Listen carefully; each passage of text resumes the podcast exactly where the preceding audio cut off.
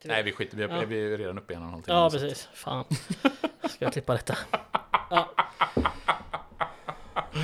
Ja, det, det är det som är så fantastiskt roligt, att vi, vi gör, en, vi gör liksom poddar om filmer som är 90 minuter och vi landar liksom på poddar som är 90 minuter. Hur fan ska folk lyssna på de här Nej. poddarna för överhuvudtaget? Se filmen istället, Ja. bara slippa höra oss tjata om det. ja.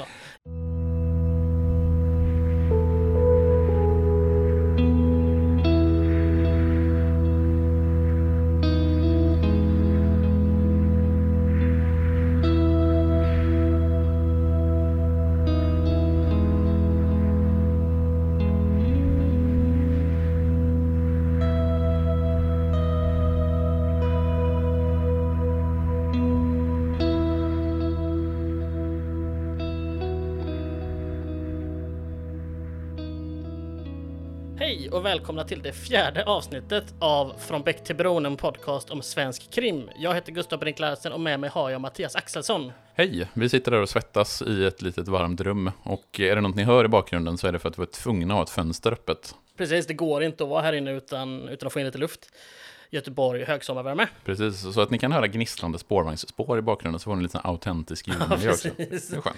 Idag ska vi prata Polis, polis, potatismos, filmen från 93. Mm. Såklart med eh, hänvisningar fram och tillbaka till boken från 1970. Mm. Ja, 71. 70 tror jag boken kommer. Jag tror att den ska utspela sig 69. Ja, så är det, ja, precis. Ja, den kommer 70. Yes. Eh, Det är den sjätte boken i romanen med ett brott. Yes, och den är ju kanske den roligaste titeln av eh, titlarna polis, eh, på, på de här, både bland böckerna, ja i och för sig bland böckerna så är nog den vedervärdiga mannen från Säffle den, Ja, den Den, den roligaste titeln. faktiskt. Eh, men bland de här Beck-filmerna så är det nog eh, Polis, polis, potatismos. Ja, och titeln är ju lite märkligt vald kan man Mm. ju tycka. Ja, det är en ganska sådär förhållandevis liten scen och eh, detalj i filmen och boken som anspelar på polis, polis, potatismos. Precis. Om en viktig. Om än viktig, absolut. Men den säger ju egentligen inte så mycket om vad boken handlar om, Nej. eller filmen handlar om för den delen. Nej. Så ska man bara gå på titeln så handlar ju inte boken någonting om det som eh, titeln, eh, liksom, som titeln är. Nej, det gör ju till viss del inte om att ta boken Den skrattande polisen heller, för det, hand, alltså det handlar Nej, ju om visst. Becks mord, men det, handlar inte, det säger ju ingenting om vad själva storyn är. Nej, visst, ah, okej, Så, jag, ja, jag men, köper det. Men den blev ju aldrig någon film, så att, eller den blev en film, men inte i den här serien. Nej. Men först ska vi prata lite kronologi i de här Beck-filmerna. Ja, vad jag har ju irriterat mig på när jag insett att jag i de senaste två avsnitten har rört ihop det ganska ordentligt. Eller inte ganska ordentligt, jag har rört ihop det lite grann i vilken ordning filmerna från 93-94 kommer och i vilken kronologi de utspelar sig. För även om de här filmerna är väldigt tydligt fristående och man behöver inte se filmerna i ordning för att kunna se dem med behållning så finns ju ändå några detaljer i filmerna som eh, någonstans visar att det finns en kronologi. Och det problemet är att det är en kronologi som inte följer den kronologi som böckerna har. Nej. För där har jag, känner jag att där har jag stenkoll i vilken ordning böckerna kommer. Att Mannen på balkongen kommer som tredje bok. Och Polis, polis, pot- potatismos kommer efter Brandbilen som försvann. Eh, men vad, vad, vad har vi kommit fram till? Vad är det vi behöver, liksom, vilka markörer är det vi har tittat på för att förstå i vilken ordning filmerna tänker att de ska utspela sig? Ja, men främst är det ju kanske Martin Becks privatliv, men också såklart, men det är framförallt de första två filmerna att Gunvald och Skacke introduceras för dem som, som nya, eller framförallt Gunvald då, som en ny medarbetare i Rosanna, som ju visar att den utspelar sig först, precis som att det var den första boken. Och efter det kommer nog brandbilen som försvann, för då börjar de lära känna varandra lite. Och ju längre filmserien går, desto också- bättre vänner blir de. Precis, och där är ju också Hammar chef i Ja. de första två filmerna. Sen kommer ju Stig-Åke Malm eh, i Mannen på balkongen och Polis, polis, potatismos och även i, jag vet inte om han är med i Polismördaren, men han är med i Stockholm Marathon i alla fall. Ja, precis. Att han har en förhållandevis viktig roll med sina jäkla helikoptrar. Ja, Ja. Eh, och även var Benny Skacke jobbar någonstans. Ja. För han kommer ju i den här filmen, Polis, polis, potatismos, har flyttat till Malmö. Precis, och okommenterat i filmerna. Helt plötsligt så han bara jobbar där. Mm. Och då jobbar han ju med Månsson, Ja. som vi känner igen från den första filmen, Rosanna. Där han ju faktiskt i den filmen säger att han har fått tjänsten i Malmö. Precis, så han försvinner ju iväg från den filmen för att han flyttar till Malmö och då kommer han ju Och då dyker här. han upp här i Polis, polis, potatismos, där Ja. han då jobbar i Malmö med Benny Skacke. Ja, Och om vi nu ska då reda ut kronologin eh, en gång för alla för de här filmerna så kommer de ju nästan i den ordning som de släpps, tror jag att det är. ja, För att egentligen släpps ju Brandbilen som försvann först, men det har jag konstaterat redan i det avsnittet att Rosanna spel, utspelar sig innan, eftersom Gunvar Larsson introduceras i den filmen. Sen kommer Brandbilen som försvann, därefter kommer Polis, polis, potatismos. Ja. Eh, och efter Polis, polis, potatismos kommer Mannen på balkongen. Och det är ju här det blir fel, för Mannen på balkongen är ju egentligen före båda de här två filmerna. i bokväg. Bo, I bokväg, ja. Ja. Men i filmen så är det, så ty- det är tydligt att Martin Beck har skilt sig och bor i en egen lägenhet. Vilket gör att det måste utspela sig efter brandbilen som försvann. Och efter, även efter Polis, polis, potatismos, där han precis har flyttat till en ny lägenhet. Ja, polis, polis, potatismos och brand, eller mannen som på balkongen är ju lite, alltså i, i den här filmen, Potatismos, så, så ser i början av filmen så ser vi ju att Beck ska ha en kräftskiva och där är han i en i princip helt tom lägenhet. Han är väldigt nyinflyttad i den lägenheten. Ja, det är det som gör att vi, vi ser att den utspelar sig före mannen på balkongen, för där är hans lägenhet inredd. Men å andra sidan så verkar det inte vara samma lägenhet, vilket i och för sig bara kan vara att okej, de fick inte tag på samma lägenhet i inspelningen, det ska vara samma lägenhet. M- Men då skulle det kunna vara något annat. Men vi, nej, vi ser det ändå så här. Och lite grann samma sak på Puttes utveckling tycker jag. Man ser att eh, pot- potatismos kommer före Och- mannen på balkongen. Och det är väl så att, i, att potatismos släpps före Mannen på balkongen i den ordningen som de släpps Ja. på, alltså 93-94. Och sen kommer Polismördaren och sen kommer Stockholm Marathon. Och de två sista tycker jag finns egentligen, nu har inte jag sett om Stockholm Marathon på ett tag, men jag tycker inte att det finns någon supertydlig eh, i vilken ordning de kommer, men de släpps ju Polismännen först, Stockholm Marathon sen. Så, så att vi måste ju se det som i den ordningen. Och där är just Joakim Malm f- polischef, det är inte Hammar som är polischef, han är Nej. polischef i de två första Precis. filmerna. Och sen är ju Skacke i och för sig tillbaka i, på Stockholmspolisen i Mannen på balkongen och sen även i Stockholm Marathon. Också där helt okommenterat, Ja, vilket är lite märkligt. det är lite märkligt. Men ja, det, det finns säkert anledningar till att man inte tyckte att Skacke var viktig nog kanske för att kommentera det och man vill ändå ha med honom sen. Och vi kan, vi kan ju återkomma till det när vi kommer till Mannen på balkongen, framförallt när vi kommer till Polismördaren och Stockholm Marathon. För där finns det ju anledningar till att, jag tror att det är i den sista boken, varför Skacke kommer tillbaka till Stockholmspolisen. Ja, okej. Men det återkommer vi till, det får bli en liten cliffhanger så att säga. Ja, precis. Och om vi nu ska gå in och prata då om Polis, potatismos. Jag ska säga att innan det här avsnittet, eller i de tidigare avsnitten så hade jag ju inte läst spelat mycket. Nu har jag toklyssnat på ljudbok, så jag har lyssnat på de fyra första böckerna och på den här då, som alltså är den sjätte boken. Mm. Så, att du jag har stenkoll på Nej, det har jag inte, för jag har lyssnat till dubbel hastighet, så att jag kan ha missat detaljer. Mm. Eh, Och jag hann inte med brandbilen som försvann innan vi skulle spela in, för då, då hade jag missat och, potatismos. Men Mm. helt plötsligt så har vi båda lite bättre koll på, på båda sakerna. Mm. Så det kan vara trevligt. Men vad är grundpremissen i Polis, polis, potatismos-filmen? Eh, ska vi se, nu ska jag hålla isär vad som händer i filmen och vad som Ja. händer i boken. Grundpremissen är ju att eh, det sker ett mord på Hotell Savoy i Malmö. Det är liksom där någonstans det börjar. Och sen så följer filmen jakten på den här mördaren. Precis. Det är egentligen det som är den röda tråden i filmen. Eh, En ganska enkel någonstans eh, mordutredning. Det finns, en, det finns ett mordoffer, det finns en mördare, det finns ett mordvapen. Sen visar det sig givetvis att det finns eh, liksom, eh, olika connections hit och dit i eh, finansvärlden och liknande företagsvärlden. Eh, som kommer liksom eh, det? Utveckla sig under filmens gång. Men, men grundpremissen det är ett mord Ja. och en, en mördare som ska gripas. Ja, och en mördare som beter sig väldigt iskallt inför mordet. Han Mm. bara går av sin cykel, går in i matsalen på Savoy och skjuter två skott. Mm. Varav ett träffar den här då pompöse Viktor Palmgren när han står och håller tal. Och sen förlyr då den här mannen ut genom fönstret. Mm. Är det inte för övrigt så att han faller ner i en tallrik där det är potatismos? Det gör han Så också. det, det har ju dock inte någon koppling till själva titeln. Nej, det är Det väl är säkert inte, inte bara... här i alla fall. Nej, precis. Det är väl säkert bara en rolig detalj, ehm, tänker jag. Mm. Men det, nej, det har ju ingenting med själva polis, polis, potatismos-scenen som vi Mm. kommer till sen. Men, men det som händer, det är ju den första scenen, att vi, vi får se det här mordet. Vi får ju givetvis inte se vem mördaren är. Vi får se honom som en skugglik figur, som, som du säger, ganska iskallt. Går in på Hotell Savoy, som ju, jag tror vi pratade om Hotell Savoy i första Mm, avsnittet, vi gick igenom Beck, att du eh, gick förbi där ganska ofta när du, eh, var det veckopendlade eller något liknande till? Ja, eller, men min eh, nuvarande fru bodde i Malmö när vi träffades. Så Mm. jag var nere där Ja. och när, vi, när vi skulle ses. Och då, eftersom det ligger precis i princip vid stationen i Malmö när man kommer in med tåget. Mm. Så, och jag då är Beck-fantast på det här sättet. Så, så, så var det kul att bara gå förbi och se det.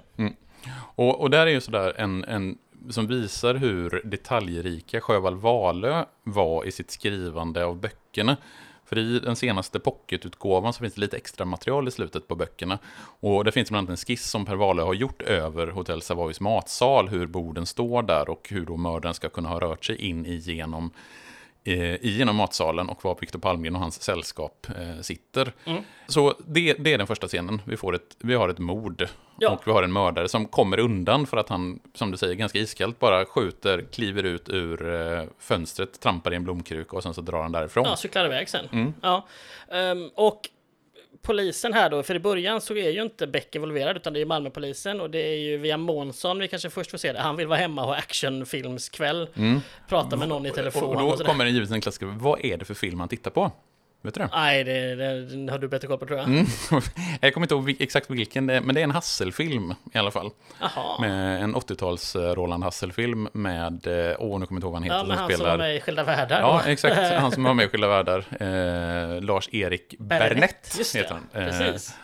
Så det, det, är en det är en av de Hasselfilmerna från 80-talet som Månsson kollar på. Eh, Jag tänkte att det skulle vara någon sån amerikansk action han skulle kolla på för att det skulle vara något lite exklusivt och det Mm. pang-pang hit men det är en svensk film. nej, men det är en alltså. lite snygg, jag vet inte om det är en, en blinkning till, eh, till Hassel, för det är ju också en sån svensk, Mm. svensk klassisk krim, eh, krimserie. Precis, att en som har jag har en- väldigt dålig koll på. Jag måste Ja, vi, kanske ska köra, vi kanske ska köra ett Hasselsvep sen när vi har täckt in Bo Jarnebring och Ja. de andra, så får det bli köra ett Hasselsvep. Det tycker jag. Lars-Erik Bernett. Ja, precis.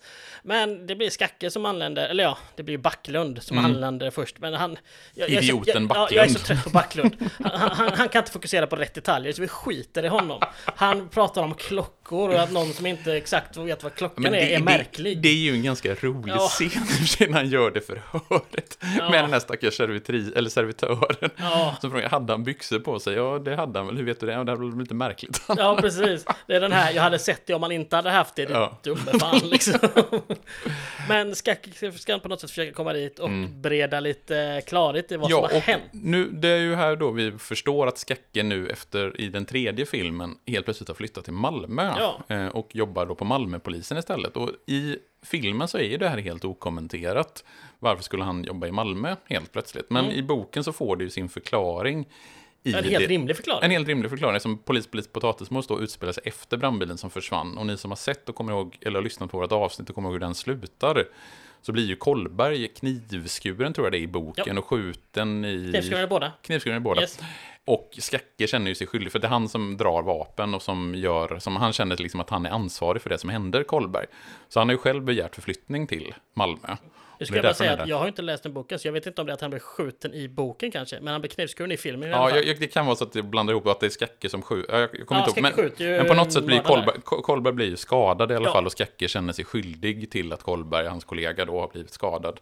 Vilket gör att han har begärt förflyttning till Malmö och det är därför han är i Malmö. Ja, och i boken, om vi hoppar lite fram bara snabbt, så när han får beskedet att det ska- det komma en person från Stockholm så frågar han ju Hoppas det det typ inte är Kolberg, Nej, tänker han ju då. precis. Så han är ju...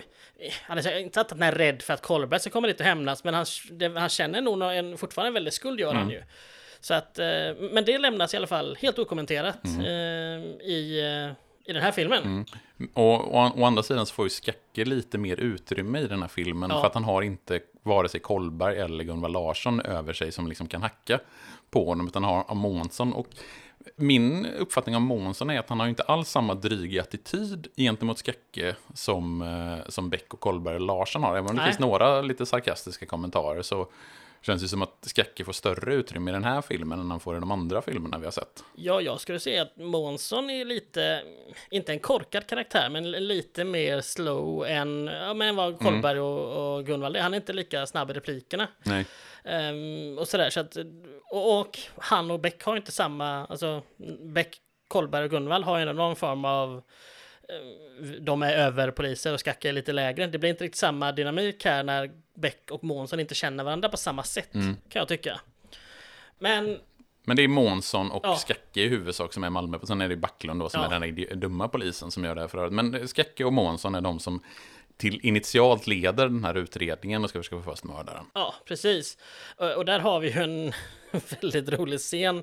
För att det är ju finansvalpar, Någon, ja, eller någon någon företagsledare är det i ja, alla fall. precis. Företagsledare är det ju som Palmgren eh, och, och de, då, han, de som blivit vittnen då, hans han, kollegor helt enkelt, Mm. som var med på den här middagen. Och det är väl- Spelade av Reine Brynolfsson, Brynolfsson och Anders Ekborg? Ja, precis. Och ja, det är en grej som jag tycker är väldigt roligt. Det är många bra birollskådisar. Mm. Ja, Marie verkligen. Rickardsson eh, dyker in och sen då Lena T. Hansson senare. Det är många och Görel, bra Görel skådis. Krona, icke att förglömma. Ja, Görel Krona, för Mm. guds skull.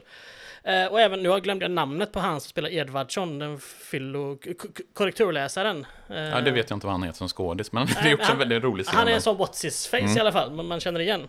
Men där blir det väldigt roligt sen när, när Skacke då ber om legitimation. Legitimation, tack.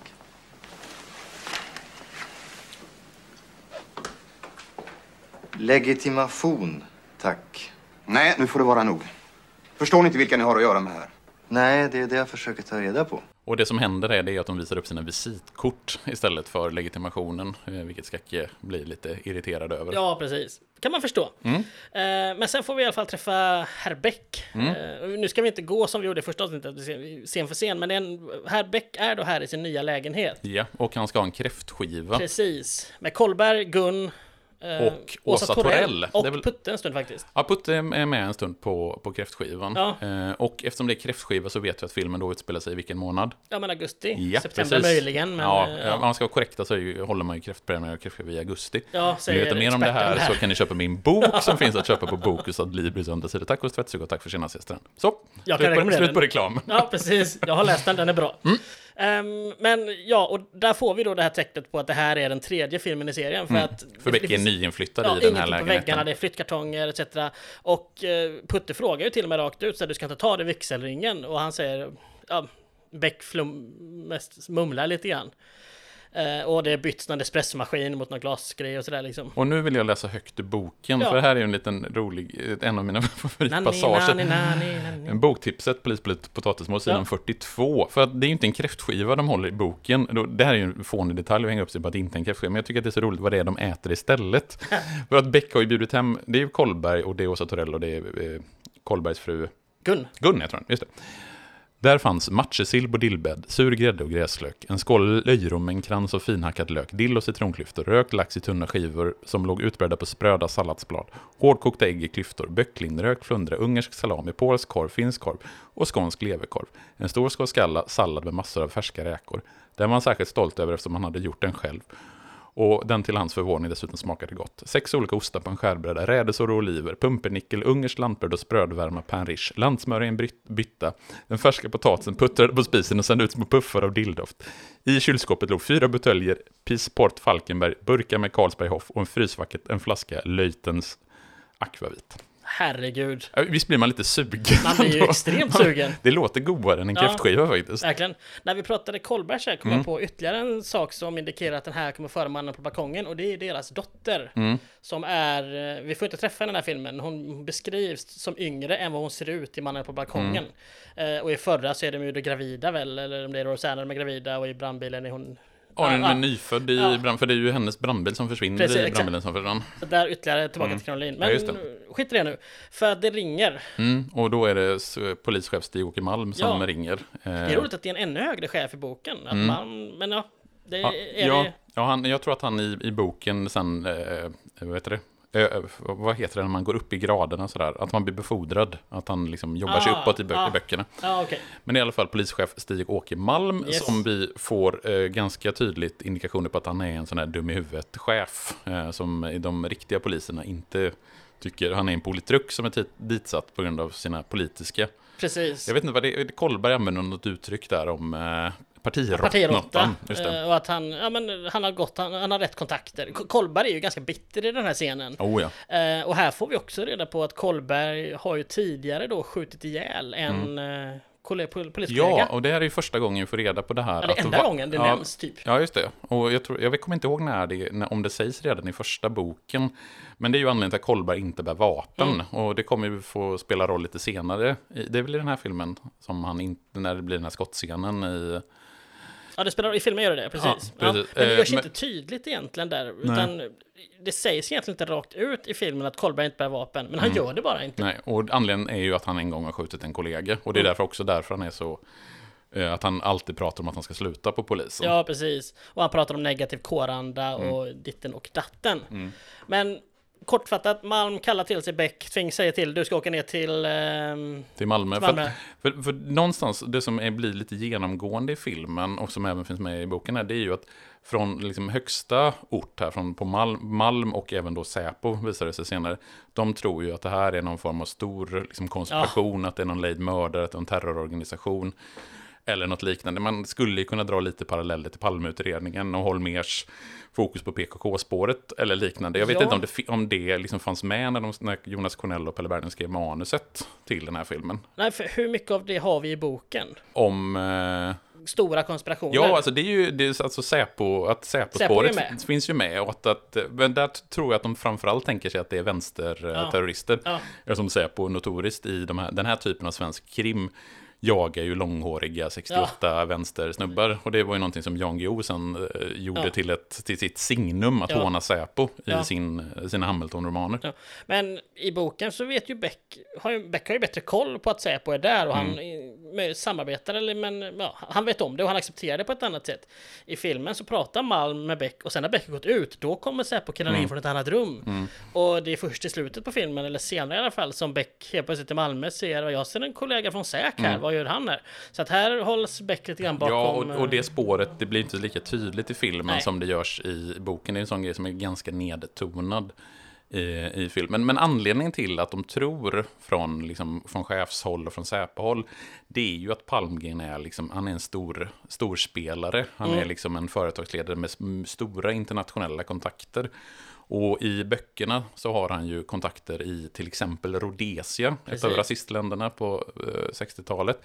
Eh, och även Portugal, som ju då hade kolonier i Angola och Mosambik bland annat. Så det är, fram, det är ju ganska tydligt att han är en, en bad guy Ja. i boken. Det har man ju fått ändra lite grann filmen. Han är fortfarande en bad guy. Mm. Men eftersom att mycket av kolonialsystemet under de här 25 åren som gick från bok till film.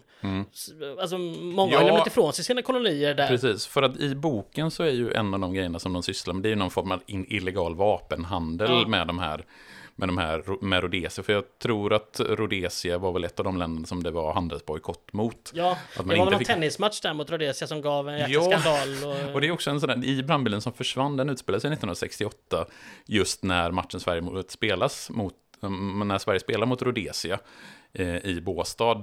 Eh, och det är en sån grej, det, det skulle ju Sjöwall Wahlöö kunna gjort en mycket större grej av i boken, men väljer av någon anledning att inte Nej. göra det. Och, eh, jag, vet, jag vet inte varför, Nej. men det, det är mycket riktigt. Sverige spelade en väldigt kontroversiell match mot Rhodesia 1968. Precis. Men i alla fall, Palmgren är i filmen eh, chef för ett stort företag med En koncern. en koncern med internationella kontakter och man är rädd från politiskt håll att eh, det här mordet ska liksom få följdverkningar och skada Sveriges ekonomi och så vidare. Så därför vill de att Beck åker ner till Malmö och liksom sköter den här utredningen. Precis, och det, det kan vara bra att säga, prata lite om Palmgren här kanske, att man har bytt eh, lite grann. Det är inte vapenhandel på samma sätt, utan det är handel med, eller med, eh, vad heter det? Blod. Blod bland annat. Ja men eh, precis, medicinsk utrustning som det Mm, ja, just det. Ja, just det. Sättet som Beck säger blod på, det, är- ja, det, fan, det tycker jag är roligt. När han pratar med den tyska gästforskaren sen. Blod.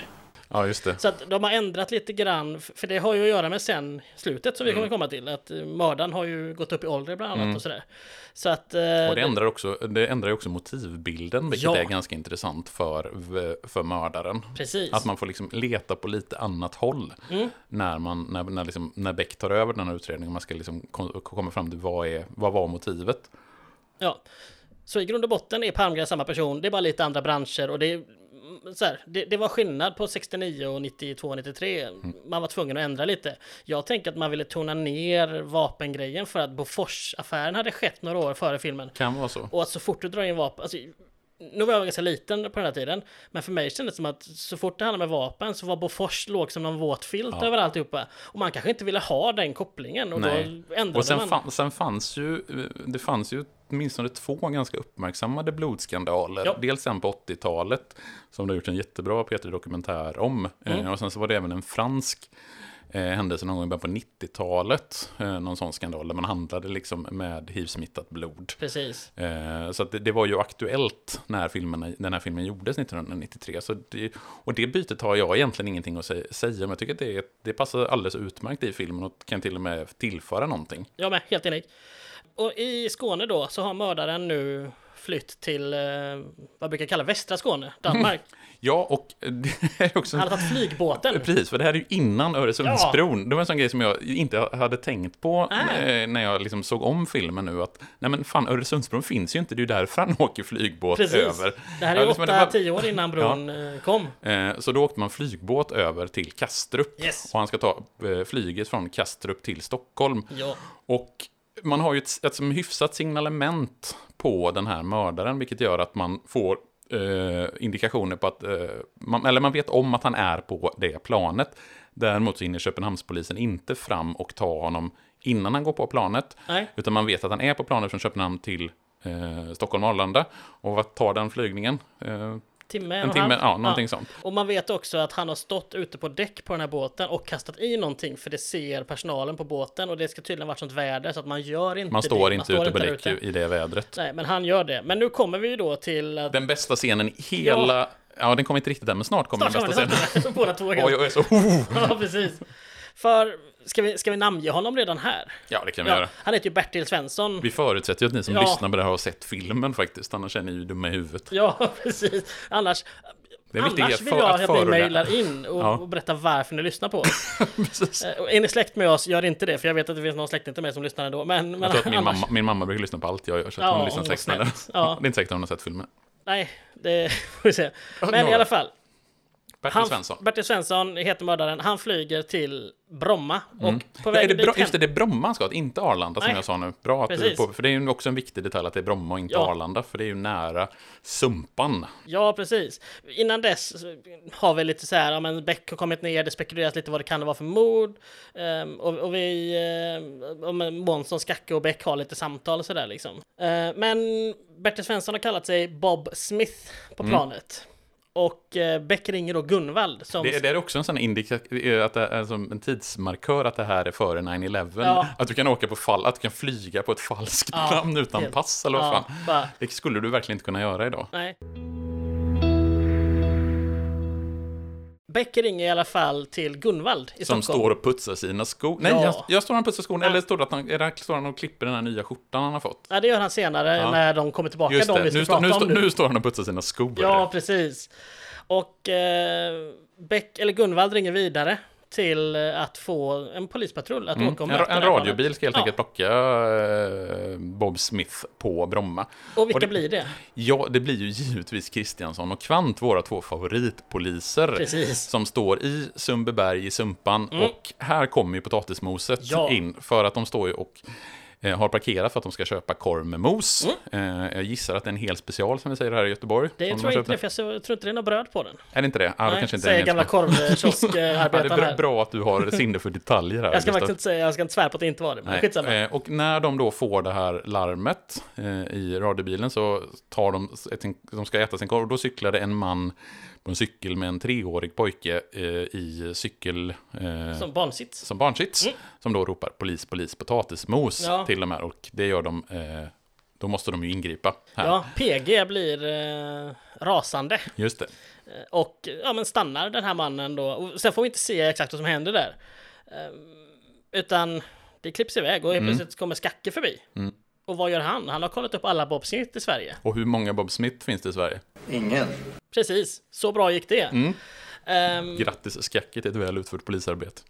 exakt. För sen, lite senare i filmen så eh, Gunvald har ju, han får besked av Rönn att det sprack. Mm. Kristiansson och Kvant, som han inte vet om att det är då, han är inte dit. Men Rönn kommer med denna underbara information. Okej, och då frågar ju Gunvald vilka var det? Jo, det var Kristiansson och Kvant. Ja. Jag är förföljd av de här idioterna. Precis. Men han tar in dem. Mm, och ja, ja, vi måste ju nästan klippa in hela den här scenen okommenterat först. Eh, vad som händer när Gunvar Larsson kallar till sig Kristensson och Kvant. Det var ni som skulle kolla den där utländska passageraren på det där flygplanet. Eller hur? Vi kom för sent. Vi hann inte fram. Jag har inhämtat det. Jag har också förstått att ni befann er i Sundbyberg när ni fick larmet. Nu finns visserligen inte Sumpan med här, men eh, jag skulle tro att det tar ungefär en fem minuter att köra därifrån till Bromma. Högst tio. Vad har ni för bil? Volvo.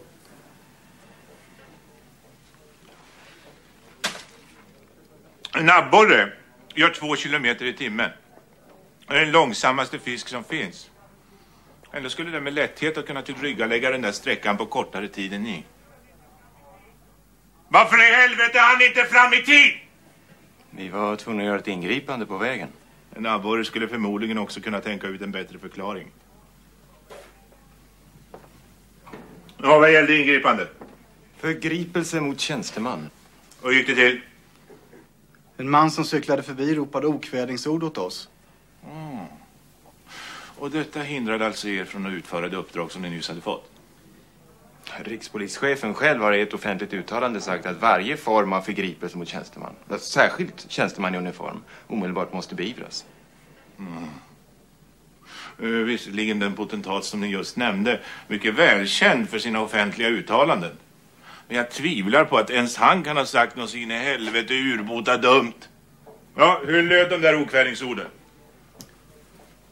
Polis, polis, potatisgris. Jag gick alltså till så här. Ni stod parkerade i Sundbyberg. Jag hade just fått larmet.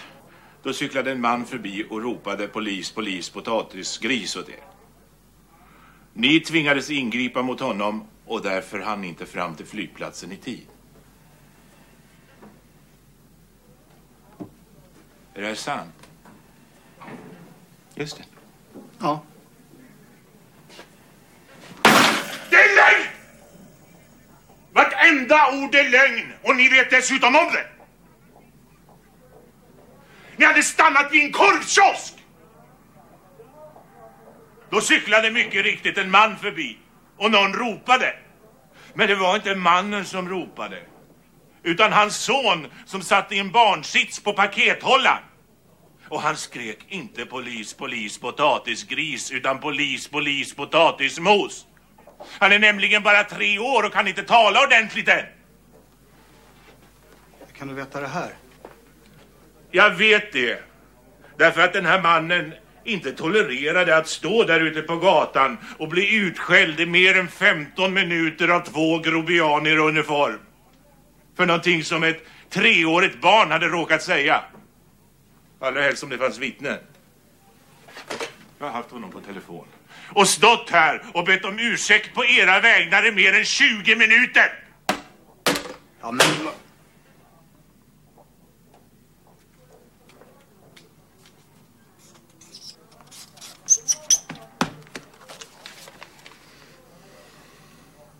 Jag orkar inte säga det en gång till.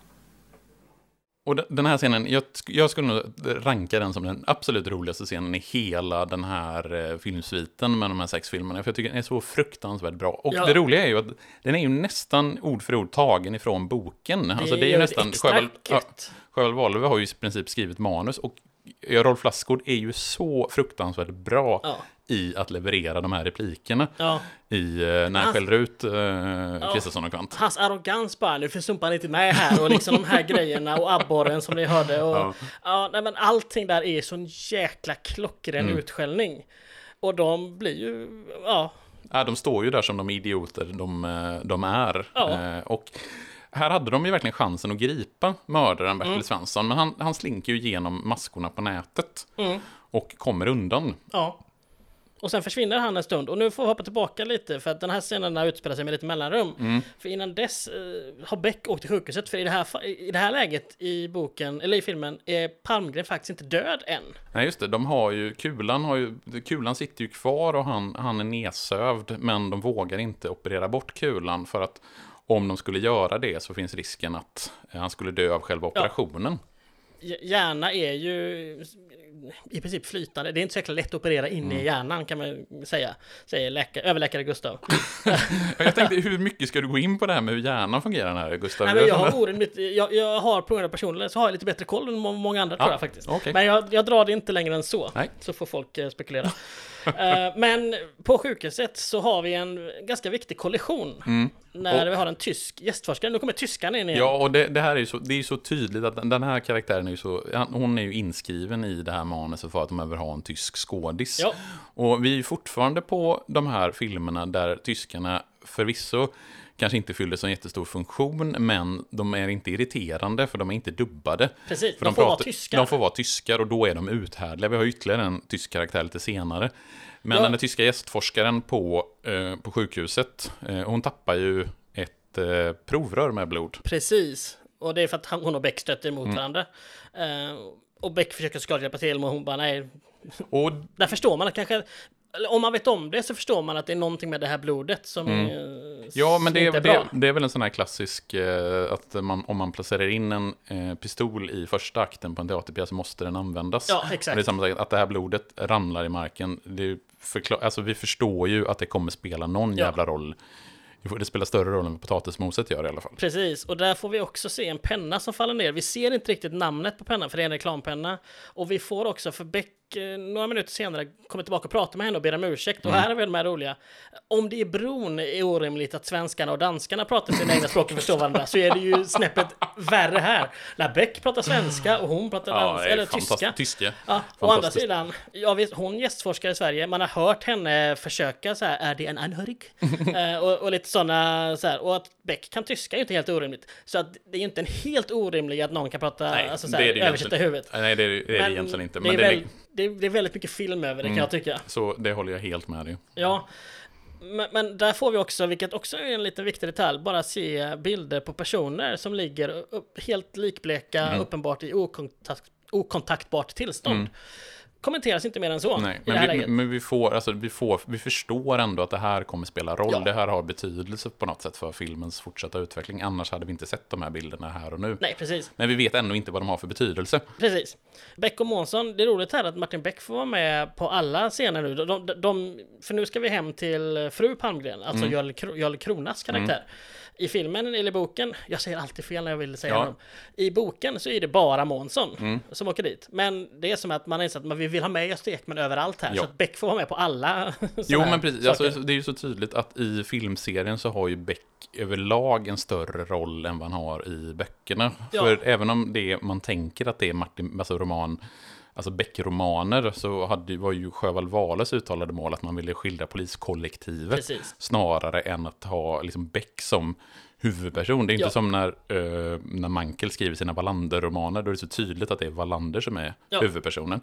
I Sjöwall Wahle så ville man skildra poliskollektivet, men i de här sex filmerna, Beck-filmerna, så är det Martin Beck som är huvudpersonen. De Ja. andra är kanske inte birollskaraktärer, så ska man inte förminska dem, så här Gunvar Larsson och Kolberg och så, men de spelar andra fiolen i alla fall. Gör mig verkligen.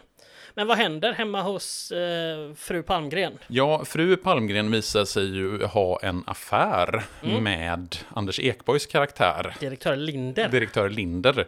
Och de eh, sitter vid poolen. I boken så är hon naken, vill jag påpeka. Mm.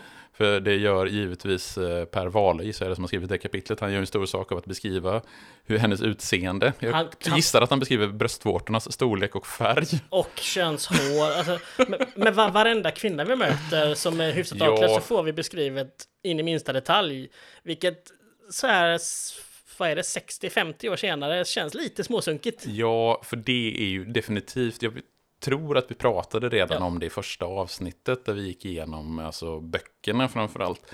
Men det som har åldrats allra sämst i böckerna det är ju kvinnosynen. Verkligen. Definitivt. Verkligen. Utan, utan, utan snack. liksom. Ja, för det, det är så mycket fokus på bröstvårtor, bröstvårtors form och Ja. färg och könshår hit och könshår dit. Och jag vet att Kalle Lind, som programledare för Snedtänkt, han skrev ju sin D-uppsats i litteraturvetenskap om just eh, kvinnosynen i... Den är opublicerad, men jag har fått eh, smygkika Oh. eh, på den. Den är oerhört rolig att läsa. Han har liksom mig. plockat ut just och analyserat, för, och det är, så, det är så oerhört mycket i alla böckerna, egentligen just Ja. de här detaljerna. Och alltså hur man ser på att kvinnorna är liksom verkligen, och det är inte bara att de, hur de beskrivs, hur de objektif- objektifieras i form av hur man beskriver deras utseende, utan också där att, de, eh, att det finns nymfomani och sexualiteten, hur den beskrivs. Alltså det finns så mycket i... eh, Men, men det om att Görel Krona är, Görel Kronas karaktär, fru Palmgren, är naken i boken, det är hon inte i filmen. Men däremot så märker man tydligt att hon har en affär med eh, Viktor, nej inte Viktor Palmgren, det är Nej, hennes man. Direktör Linder. Direktör Linder, alltså Anders Ekborgs karaktär. Exakt. Och här ska man ju tydligt se att det här är väldigt opassande eftersom hennes man då ligger för döden eh, eller har blivit skjuten och hon ligger vid poolen och tar en drink med sin älskare. Ja, det, det är ju, ska ju sägas att, eller ska sägas, men Till Det- hennes försvar. Nej, men inte alls, inte till något försvar. Men, men det, beskrivs tydligare i boken att deras giftermål kanske Ja. mer är en... Han är äldre och vill ha en troféfru Ja, och hon jo. vill inte behöva jobba mer. typ. Visst, absolut. Eh, inte för att det rättfärdigar någonting kanske, men Där man gör en större, man gör ett, förklarar tydligare Ja. i boken Palm, fru och herr och fru Palmes relation. ja, precis. Det får man egentligen inte, det förstår man egentligen inte så mycket av i filmen. Nej, precis. Det får man uh, anföra själv på något Mm. sätt. Sådär, liksom. Men Månsson och Beck ser ju det här. Eh, Palmgren och Linder märker ju inte av att de är liksom upptäckta. Nej, Eh, Eftersom Månsson och Beck spionerar lite på dem där. Och sen så ringer de på dörren och då kommer Görel Kronas, eh, då kommer fru Palmgren och öppnar dörren och då har eh, direktör Linder lyckats smita iväg. Ja. Så att han blir inte upptäckt där och då. nej. Men... Eh, Och hon ljuger ju ja, där och då. Vilket kan man ju kan vara bra att notera. Ja. Att hon eh, säger att hon bara känner bland annat direktör Linder men alla andra bara ytligt och i affärssammanhang och sådär. Men eh, Mm. Och sen så här, här finns ju kanske en av de få egentligen politiska kommentarerna som finns med i filmerna. För böckerna är ju nedlusade med eh, som kommenterande av olika politiska skeende. Eh, och här har man gjort lite grann kopplingen kanske mellan eh, den, det, alltså Rhodesia som är i boken. För där säger ju eh, fru Palmgren att de hade planer att flytta till Sydafrika. Men det har blivit så konstigt där nu, nere nu på senaste tiden. Och då ska man komma ihåg, det här är ju en situation politiskt där apartheidsystemet är på väg att avskaffas. Och de svarta i Sydafrika håller på att få medborgerliga rättigheter. Så där finns det ju väldigt tydligt den här eh, kopplingen till ja, men företagsledare, företagsmänniskor, de är också rasister som de Ja. handlar med Sydafrika och hellre ville vara där nere än de svarta för, det är var förtryckta. för det är ett jäkla uttalande att det håller på att bli så konstigt där nere nu. Man bara, vad är det du säger? Jo, men det, är, det, det handlar ju, det är väldigt tydligt det där att man vill sätta en stämpel på henne Ja. som en att, ja, hon är ju inte helt eh, hemmapolitiskt där, Nej, så som vi precis. vill att man ska vara. Precis. Men de får inte ut jättemycket av henne. Nej, det egentligen, förhöret faller ju ganska platt. De Ja. får inte så mycket information som är av relevans för utredningen. Nej, Eftersom hon, har ju inte, eller hon har ju sett mördaren, men hon kan inte ge något signalement och hon känner inte igen mördaren. Det är ingen som hon har sett tidigare. precis. Så att, nej, men man får ingen, den information man får det är ju att Palmgren, eller fru Palmgren och direktör Linder har en affär. Ja. Det är ju den informationen vi får här egentligen. Exakt, exakt. Och sen går vi vidare, för då har vi från sjukhuset fått med oss en, fått med oss en röntgenbild som de listar ut då, de, de mäter den helt enkelt, kulan. Mm, att det är en 22. Exakt, och det är ju, vad, vad är speciellt med det? Ja, jag säger, det är en, nu ska vi se. Det som är speciellt med en 22 det är att det är ett, en ammunition som eh, professionella mördare använder va? det, Skacke säger ju det att jag har hört någonstans att i USA anses som lite snobbigt. Och så Ja, just det, att, så är eh, det. Ja, att man, att man använder en 22 så är man ett proffs eftersom Ja. man, inte, man använder inte mer än vad man behöver. Precis. För Beck och Månsson är lite förundrade över att varför använder de en 22? Mm. Och vi får också så här kopplingar, eller Skacke försöker göra att ja, men Shirhan Shirhan sköt Robert Kennedy med en eh, 22 Men det var inte heller ett överlagt, det var mm, Han sköt vilt omkring Ja. sig, eh, konstaterar ju Beck då. Precis. Här är också roligt att Månsson pratar om att ja, men en lejd mördare skjuter alltid två skott, precis som med mordet på Olof Palme. och då visste han inte eh, vad vi vet idag om Skandiamannen och liknande. Nej, Så att precis. frågan är, ja, vi ska inte gå in på den, vi ska inte öppna den, eh, den dörren om Palmemordet. Nej. Fast det var ju två skott. En lejd mördare skjuter alltid två skott. Inte ett, inte tre. Alltid två. Som i mordet på eh, statsminister Palme. Så det var en lejd mördare. Inte fan vet jag. Då är vi två. Ehm, sen trycks det ner lite grann, fortfarande mer och mer att ja, men, eh, Palmgren är ett svin. Det är då vi får prata med den här Edvardsson, korrekturläsaren som satt på typ bordet bredvid. Och som det görs en väldigt stor poäng av innan skottet går så får vi en närbild på honom som att Mm. han tittar upp. Och sen görs det inte så mycket av det utan vi, där får vi mest reda på att han har suttit bredvid och tjuvlyssnat på massa samtal. Ja, Och han- han är- han är- ja, han är väldigt, han är en väldigt typisk sån här, som karikatyren av en försupen kulturjournalist på någonting. På något sätt, han bor på vet, bor han på Möllan på, i filmen också? som Mellanvågstorget 3 va? Ja, Eh, alltså bohemdelen av Malmö. Eh, och han jobbar på Arbetet, givetvis. Som korrekturläsare. Som korrekturläsare. Jäkla gu- guldjobb! Jag vill också jobba som korrekturläsare. Och kunna dricka på dagtid Ah. och eh, kvällstid och när man helst känner att man vill dricka. Ja, Och Pal ja, precis, att Edvardsson än mer förstärker bilden av Palmgren som ett finanssvin, liksom. Ja. Företagssvin. precis.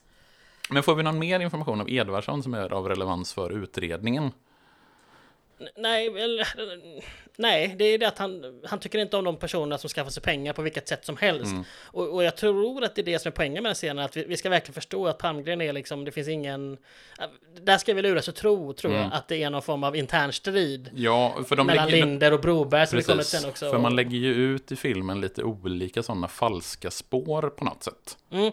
Vi får också reda på av att det, det är ett, en smal sak med roterande kammarstycke, vapnet. Mm. Alltså att det är en klassisk revolver. Väl, Nu är jag inte så vapen, men jag tror att det är väl det Jag är nog det. ännu sämre på vapen än vad du är, men Ja. jag, jag köper det du säger. Min vapenkunskap kommer från Red Dead Redemption 2 liksom. Det Roterande kammarstycke säger väl i alla fall Beck i Ja, den precis. eh, scenen. är Trissa, eh, vad man kallar det. Ja, Det, det. Det är det vi får reda på där. Eh, och sen har vi, det är mycket roliga, vi satt och garvade jag och min fru när vi såg den här filmen. För sen kommer, hör och häpna, Stellan Skarsgård. Ja, och det var ju så roligt, för det när jag såg filmen så tänkte inte jag på att det är Stellan Skarsgård. Det var först när jag gick in på, på Svensk Filmdatabas för att kolla lite information om filmen, att Stellan Skarsgård har, har, har en liten biroll i det här. Ja. Och så funderar jag på vilken jävla, vart är det vi ser honom? Och det är precis här. Precis.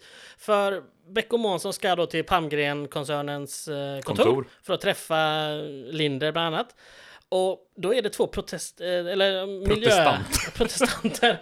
Halleluja. Nej men två som miljöaktivister Mm. är det ju de får klassa som. Bland annat en kille vi får se sen. Eh, så, som eh, klistrade upp eh, massa A4-papper på eh, Palmgren-koncernens ja, men ingång. Mm. Och där är det en säkerhetsvakt som på skånska skäller ut dem. Ja, 210, 70, Ja, det är så roligt att han pratar skånska, Ja, vi filmen. klipper in den scenen Ja. här. Era jävla terrorist! Förbannade kommunistbröder! Stick åt helvete! Fan! Är det tillbaks va? Få åt helvete era jävla kommunister! Satan! Då! Håll Stick! Jävla lakej! Jävla terrorist! Vad står på? Läs det här. Palmgrens jävla företag skövlar skogen. Men Thomas, idag... Vad tror ni det är 60-talet fortfarande va?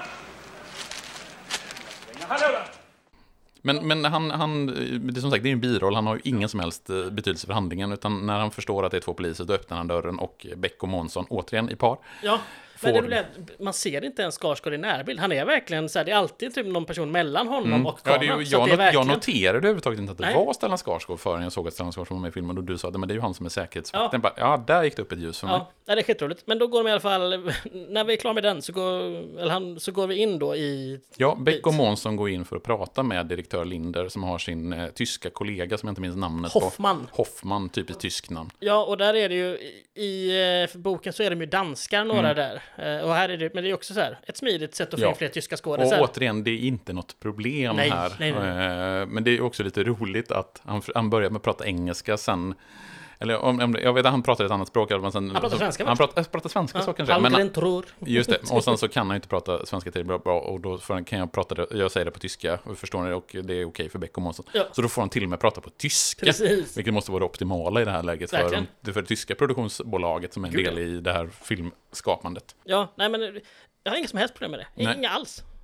Men i alla fall. Eh, vad heter det nu? Eh, Linder. Direktör Linder Ja. och Hoffman. Här insinueras det att Broberg, alltså René Bry- Brynolfssons karaktär som är chef för Stockholmskontoret, Mm. det finns någon form av konflikt. Ja. Görs ingen större grej av det, men, men återigen ska vi tro att det kanske här någon har velat mörda någon Ja. för att Det få bort den andra. man, det, an, här lägger man ju ut det här falskspåret som det visar sig då att, det, att mordet skulle på något sätt handla om en konflikt inom Palmgren-koncernen. Att det, Precis. och vi tror ju fortfarande egentligen att det är en lejd mördare. Mm. På något sätt, att det är det som anspelas hela tiden. Och alla spår tyder ju egentligen på att det är en professionell lejd mördare än så länge. Ja, vi verkligen. vet ju ingenting annat. Det gör det väldigt länge, ska vi Ja. säga i den här filmen. Eh, och sen så ställer ju Månsson, eh, när de är på väg ut ifrån det här förhöret, så frågar ju Månsson om eh, vilken relation Linder har med fru Palmgren. Ja, och han är ju smart nog att inte ljuga i det läget, för han fattar att de vet. Precis. Så han säger precis som det är, vi har en sexuell relation. Vi brukar ligga med varandra. Jag ska säga det så även en polis förstår. Ja, precis. Men det är också, där vis, och han visar också smarthet, för han säger att åh, han, han, när, när de hälsar så, ja vad bra att Rikskrim är här. Hur visste du att du kom därifrån? Frågar Beck. Och då har han pratat med Malm, Mm. Linder och sådär. Så att det, han visar sig vara lite insatt, vilket också ska vara lite misstänkt till, Mm. för oss, tänker jag liksom. Ja, att vi, vi, ska, vi ska tro att här finns det något skumrask på gång. Och framförallt så ska det ju, ty, alltså, vi- vi ser ju här den, just kopplingen mellan finanseliten och även polisledningen, att polisledningen gynnar de här Ja. eh, personerna. Så här Och- finns det ändå en hel del social... Mm. Och jag skulle säga just att polis, polis potatismos är den filmen som liksom på något sätt mest förvaltar det samhällskritiska arvet från Sjöwall Wahlöö. Ja. Eh, det är egentligen ingen av de andra filmerna som gör det i någon större utsträckning. Men Polis, polis, potatismos så finns det med ganska mycket. Mm. Av, eh, förhållandevis mycket i alla fall tycker jag. Ja, och det är ju lättare när vi har med storföretag Ja. att göra det. Det, det, det är ett tacksamt mål för eh, i, en film att utmåla som rövhattar liksom. Ja, Absolut. precis. Men här dör sen också Palmgren Mm. till Och slut. då är det mord och Ja. inte längre mordförsök. Precis, men det, och det gör att de kan ta ut kulan och här så ser de då att okej, den kommer från ett Arminiusvapen. Mm. Ehm, och det är här detaljen med, med Skanåkers vapen kommer. Just det, du- just det, att Ja. eh, Skanåker använder ett sånt här eh, Ja. vapen. Ja, men är inte det någon sorts eh, sportpistol? Sådär som den där Skanåker använder när han tar medalj i OS. Nej, Skanåker, han använder en... en Ja, nu skiter vi lite i vad Skanåker använder va? Hemlig. Nu skiter vi lite i vad Skanåker använder. Ja, precis.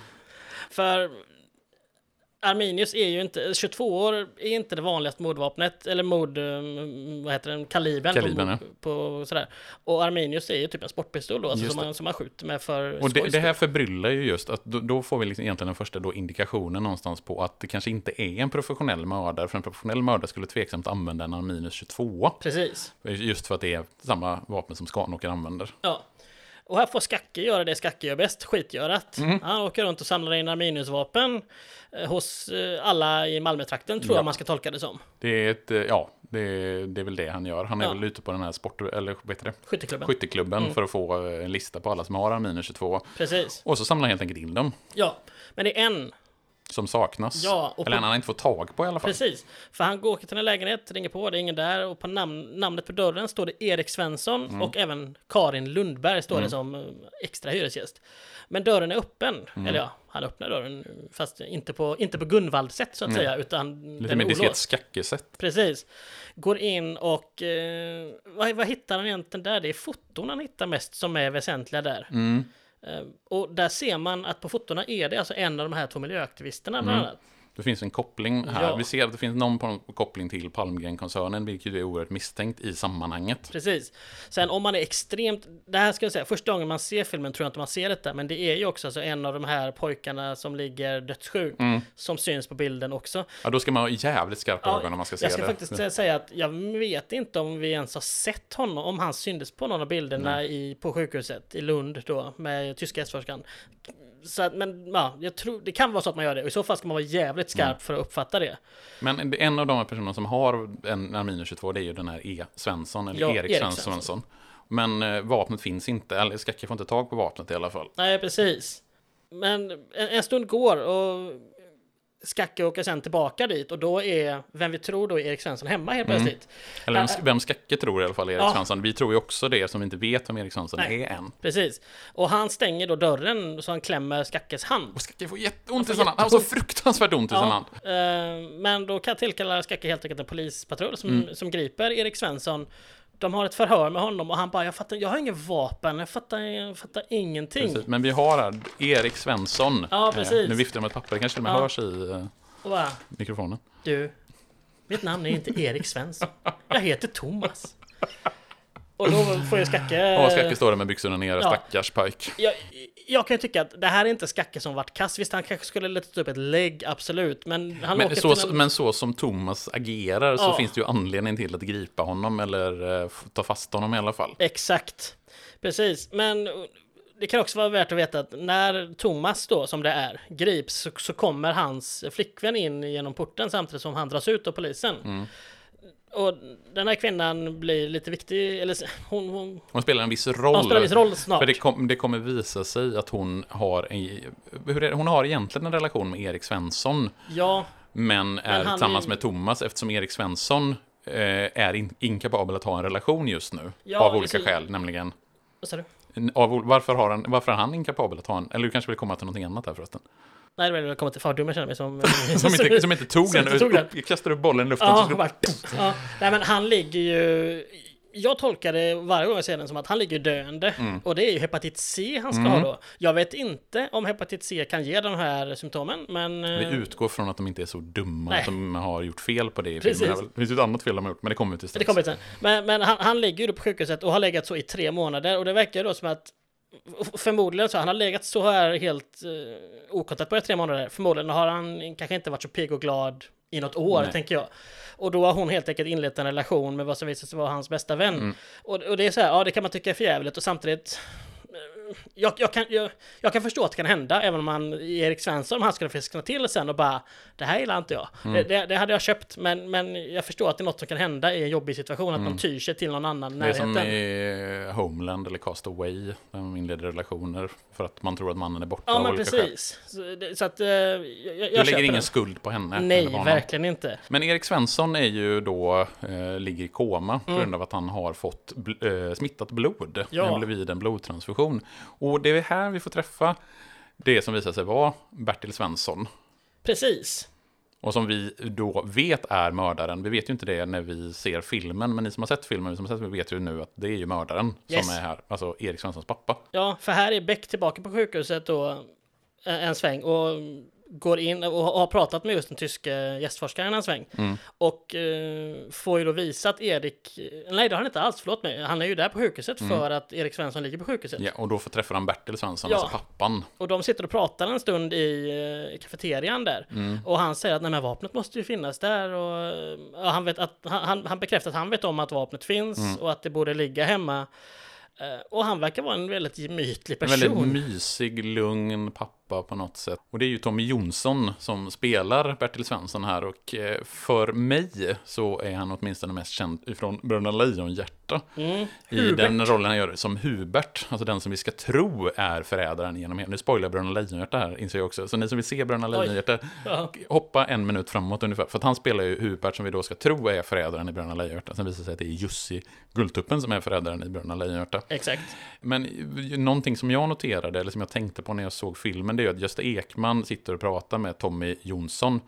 Eh, här. Och de två rösterna, för mig är de så på något sätt, både Gösta Ekmans ifrån barnprogram som jag tror heter Farbrorn som inte vill bli stor, jag kan ha fel där, och Tommy Jonsson då som från Bröderna Lejon, alltså två röster som så väldigt, jag fick väldigt som förnimmelse av barndom när Ja. de satt, och han har ju en väldigt, väldigt mysig röst, Tommy Jonsson ska man verkligen. säga. Stockholms eh, dialekt men Mm. väldigt lugn och stillsam. Precis, Ja. Och det Men- gillar vi. ja, precis. Men här får vi inga tecken på att det är han som är mördaren egentligen. Ja, och det som är intressant när man sen vet hur jävla kall han är Ja, här. Hur lugn han är ju liksom, det finns ju ingenting som indikerar på att han på något sätt skulle ha någon skuld eller att han vet vad vapnet är eller någonting, vilket Nej. han ju mycket väl vet. Precis. Men här får vi också hoppa tillbaka lite en sväng för att vi har missat eh, en extremt rolig grej. Mhm. Nämligen i Stockholm. Mm. Eller först är det att eh, Månsson har fått reda på att fru Palmgren och eh, Linder och Hoffman eh, har lämnat landet redan. Mm. För de, de sticker. Ja. Eh, Det får vi bara se en snabb montage-scen. Och då vill de ju stoppa Broberg, Mm. alltså återigen Reine Brynolfssons karaktär som befinner sig i Stockholm. Eh, Och även hans resesekreterare, Mm. Helena Hansson. Och vad är en resesekreterare? Ska vi avslöja det än? Ska vi komma till vad en resesekreterare är? kan väl säga det, det är väl ett finare ord för, fjäll, för fnask. Ett finare ord för fnaska. Ja, precis. Eh, och då ringer, eh, det, är såklart att det är Och vänta, varför kallar man dem för resesekreterare och inte fruar? för att de är avdragsgilla. Bra där. Gustav. Ja. Nej men här ringer då Beck till Kolberg för att han... Ja, det just det, den scenen. Vad bra att du, att du inte glömde Nej, bort den precis. scenen. Den mest inklippta scenen än så länge i våra två tidigare avsnitt. Ja. För, eh, nej precis, än så länge har ju Kolberg och Gunvald Larsson, ja Gunvald Larsson har varit med, Kolberg har inte varit med i filmen Nej. än så länge. Eh, för Kolberg har ju egentligen semester. Ja. Och vad gör Kolberg, sensualisten Kolberg, när han har semester?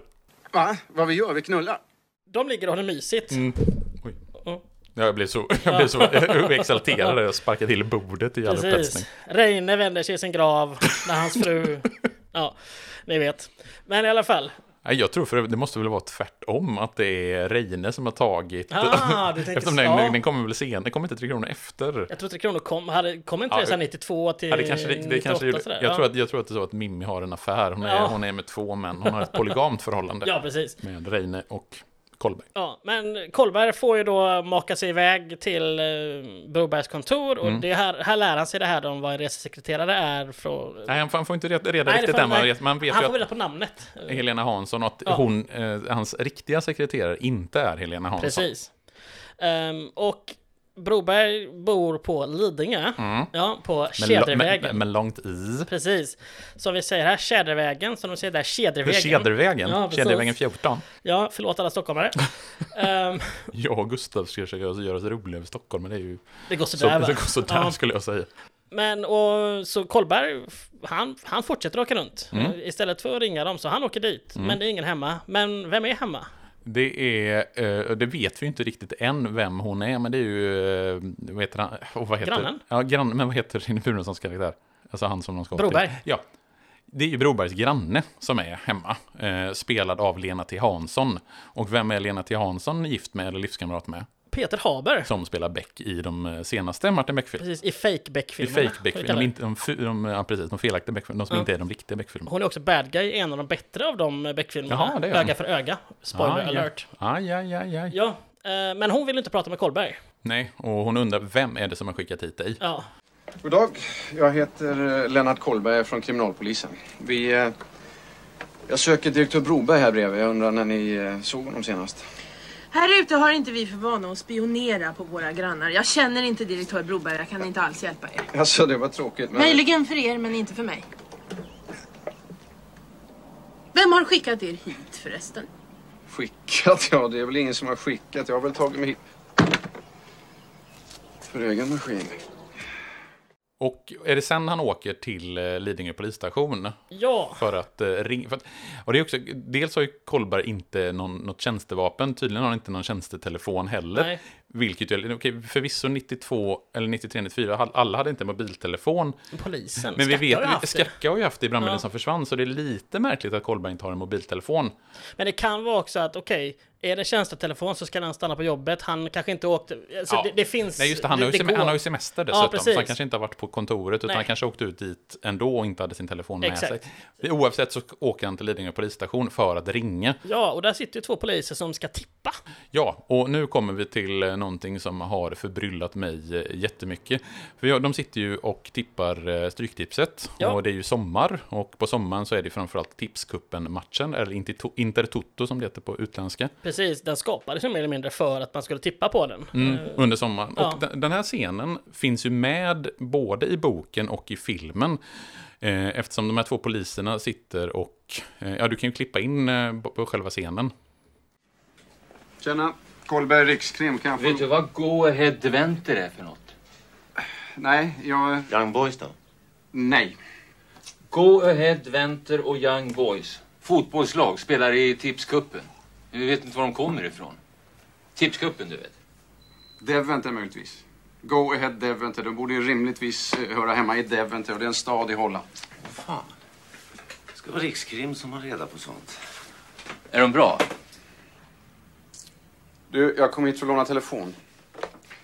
Känner ni till någon eh, direktör här ute som heter Bro Hampus Broberg? Ja då, Kedjevägen. Och bor man där har man gott om pengar. Vi har bara fint folk här ute. Har ni haft någon eh, anledning att ägna er åt honom någonting? Nej. Vad ska du ringa? Broberg? Nej, jag ska till Krim. Det måste finnas någon vakthavande inne. Ja, jag tror vi chansar på Young Boys i alla fall. Ja, hej Lidingö här. Eh, vi har en eh, kollega som vill växla några ord. Vem var det? Eh, Larsson, Gunnar Larsson eller. Tjenare Gunvald. Det är Kolberg här. Hur har du Hur jag har det? Ja, vad fan tror du? Överhopad med knivskärningar, rån och slagsmål och galna nerknarkade tolvåringar. Och nästan ingen folk. Melander är på Värmdö. Rönn åkte till Arjeplog i fredags. Vad fan vill du? Mm. Palmgrenaffären? Aldrig i livet. Den har jag haft nog med obehag redan. Mm. Ja. ja. Det tjänar ingenting till att du tjatar om det där. Det är inte mitt jobb. Vad, vadå? Tjädervägen? Sa du Tjädervägen? På Lidingö? Vilket nummer? Mm. Okej, jag tar det. Bra. Grabbar. Ni som verkar vara hemma i den fina världen. Vet ni vad en resesekreterare är? Resesekreterare? Det är väl bara ett finare ord för fnask. Förr i tiden så gick de ju under beteckningen fruar. Men som resesekreterare så blev de avdragsgilla. Behöver du en sån? Nej, jag söker en sån. Vad är med snusket för fan? Specialroten och varenda luder på data. Och det är de här två lagen, Go Ahead Deventer och Young Boys, Yes. eh, som de liksom fundera på hur det ska gå. Och då har jag i min research-iver kollat de eh, tipskuppen-matcher som var sommaren 1969, alltså när det här ska utspela sig i boken. Yes. Och då är det så att både Go Ahead Deventer och Young Boys spelade tipskuppen sommaren 1969, men de spelade inte i samma grupp, så de mötte aldrig varandra. Och tittar man på de stryktipskuponger som är, vilket jag givetvis har gjort då. eh, Givetvis, givetvis har du jag gjort kollat det. stryktipskupongen 1969 på sommaren där. Så är Young Boys med ett antal gånger, däremot är Go Ahead Deventer inte med. Och det här är någonting som då förbryllar mig av den anledningen att Sjöwall Wahlöö är ju så oerhört noggranna i sitt researcharbete generellt. Det vill säga att de detaljer de har med i boken stämmer oftast. Och att de gör en sån här ganska fånig miss, att de lägger till en, ett match, en match mellan två lag som inte möter varandra i Tipscupen 1969, kan jag tycka är lite märkligt. Det är det verkligen. Och det blir också... Ännu märkligare i filmen faktiskt Ja. på något sätt. Det blir ännu märkligare i filmen därför att Go Ahead Deventer hette inte Go Ahead Deventer på 90-talet. Mm. Bara egentligen året efter den här boken kom så bytte de namn från Go Ahead Deventer till Go Ahead Eagles. Mm. Så att de pratar i filmen om två lag, nu har vi inte, eller inte, har du kollat upp om de var med i Tipscupen De 92? spelade inte Tipscupen Nej. 92, 93, 94. Nej. Eh, Young, eller de har inte spelat mot. Jag tror inte Go Ahead Deventer överhuvudtaget. Jag kollade lite, eh, vad heter den, Eret-division, eh, alltså första divisionen i, eh, ned, i Nederländerna. Ja, precis. Jag påpeka, inte Holland. Viktigt, hålla isär Nederländerna och Holland här. Holländarna själv kallar sig holländare, vill jag bara påpeka. Jag vet det. Jag har gjort en video som finns på YouTube som ni kan kolla på skillnaden mellan Nederländerna och Holland. Skitsamma. www.nerdmattias.com eh, nej, att uh, Go Ahead Deventer, de var ju liksom aldrig, eller Go Ahead Eagles som de heter på 90-talet, de var ju ett mittenlag, eller ett nedre halvan-lag. Ja. Och spelade, vad jag vet, inte några internationella kupper på 90-talet. Nej, de fick, har fått nu senare år en liten uppsving igen Mm. faktiskt. Har varit med i Europa League sådär Mm. 2015 eller vad det var liksom. Men på 90-talet var de ett, eh, kanske inte ett stryklag, men nästintill. Ja, men de var inte ett topplag som spelade i de europeiska kupperna Nej. i alla fall. Och det är också så här, nu, visst, jag kan förstå det här att man tar eh, manus och tar liksom, citat direkt, för det är också en ganska, det är en ganska rolig scen. Verkligen. Den här scenen när Kolberg och de får liksom de här landsortspoliserna blir det ju trots allt, även om det är Lidingö som ligger nära Stockholm så är det ju ändå lite landsortspoliser. Det, Att det var kanske ännu mer landsortspoliser på den tiden, Mm. alltså 70-talet, 60-talet. Ja, absolut, absolut då, men... Eh, men även eh, 90. Ja, även 90-talet så blir det ändå liksom att det, och att Rikskim, att det, ja, det ska Rikskim till för att veta, för Ja. att veta var Deventer ligger. Precis. Men nej, för, för det, det, det, det är väldigt intressant, framförallt med bokgrejen kan jag tycka Mm. då att De, de som notoriskt duktiga researcharna eh, liksom. researchen och duktiga på detaljer, Sjöwall Wahlöö gör en sån här liksom väldigt enkel miss. Ja, och det skulle inte vara svårt att kolla upp men de, jobbar, alltså, de har ju koll på hur man researchar saker. Ja, och det är inte något så, även om inte det finns, fanns digitala arkiv på den, så det var ju bara att gå till och kolla liksom tidningsarkiven och se vilka, och hitta en match mellan två lag som faktiskt spelade Ja. mot varandra sommaren 1969. Precis, och så är det färdigt. Ja. Men jag vet inte om det, och, och jag kan inte heller se, jag vet inte om de har någon koppling till Deventer eller till laget Young Boys som är från Schweiz då. Nej, precis. Men- För, för de, de gör ju en poäng i, i båda scenerna att eh, de här poliserna inte vet var Deventer ligger och att Kolberg vet var Deventer ligger. precis. Eh, och att det kan finnas, för Deventer är ju, jag hade, visste ju inte vad Deventer, att det låg i Nederländerna. Till exempel, så det kanske är det som de vill göra en poäng, men då kunde de ju valt ett lag som Go Ahead Deventer mötte. Ja, precis. Och fortfarande använda det. Eh, Ja. För de gör ju ingen poäng av Young Boys, det vet man ju egentligen inte heller var de kommer ifrån. Det är väl ett schweiziskt lag, va? De är för Schweiz, ja, precis. Mm. Ja. Ehm, säger vi som är fotbollsnördar här. Mm. Yes. Men i alla fall, ja, det, det är märkligt Mm. med tiden. Men det är roligt här, en annan detalj som är lite rolig är att Gunvald faktiskt nämner Melander Mm. i det samtalet. Att Melander är iväg någonstans, eller om det är på semester eller någonting. Mhm. Och han får vi ju, han, han följer i böckerna ibland. Han, han är ju en det, av det poliserna har inte jag tänkt på faktiskt. Det har du rätt och, och det tycker, sånt älskar jag, bara en Ja. liten throwaway Sen- line. Just sådana här små, små Ja. detaljer är ju... Och det är, för, det är också i den här scenen som vi får reda på vad en resesekreterare är. Ja, precis. Exakt. Och eh, var man kan få reda på eh, vem det här var eftersom man ska kolla med snusket för de har varenda luder på data. Precis. Som polisen, eh, Lidingö-polisen säger. Ja, det är underbart att man kallar det snusket. Men vem jobbar på snusket då? Eh, där jobbar ju Åsa Torell, känd i filmen från den första filmen Rosanna. Precis. Men inte i boken. Nej. Och jag tror vi kan ha pratat om det här tidigare. Men vad är det som... Recappa lite. Ja, vi kan recappa kort. Att I filmserien så är ju Åsa Torell, hon är ju med i Rosanna. Hon är ju den kvinnan som de använder som lockbete för Folke Bengtsson, heter han va? Ja. Och sen så återkommer hon här i filmen Polis, polis, potatismos. Ganska I, liten, eller ett par, två, tre scener, men ändå. ja, men hon är ändå med här. Hon Ja. är ju med i början till exempel på kräftskivan. Ja. Så hon, hon har ändå en viss roll i den här. Precis. I bokserien så är det ju inte Åsa Torell som är eh, lockfågeln i Rosanna, utan då är det Sonja Hansson. Ja. Och Åsa Torell eh, du kom, eh, kan vara lite skakigt, men jag tror hon introducerade Skrattande polisen som eh, fru, eller som flickvän till den som blir mör, en av de som Ja, blir mördad. Åke Stenström. Åke Stenström som blir mördad som i eh, Den skrattande polisen. Mm. Och det är då hon bestämmer sig för att bli polis. Ja, och, så hon kommer med här i den Mm. här boken också. Ja. Men inte, ja. Det är inte samma Åsa Torell om man, säger, om man ska säga så liksom. Hon har inte samma historia med Beck och gänget. Nej. Eh, Vilket kanske gör att vad som händer senare i boken inte kommer med i filmen. Nej. Till exempel. Men här så jobbar hon i alla fall på Snuskigt. Ja, precis. Eh, och de åker hem till, eh, de har hittat Helena Hanssons adress. Gunvald eh, bara ger en meny. Och som Kolberg ska låtsas är en husrannsakningsorder. Du, du måste ju ha något papper med dig. Ja, precis. Så dagens rätt funkar alltid. Okej. Och den, den scenen är så skön när, när Kolberg kommer in med den och liksom, det är så uppenbart att det här är inte en riktig husrannsakan. Han är så övertydlig och inte visar upp det. Ja, med stämpel från åklagare och allting.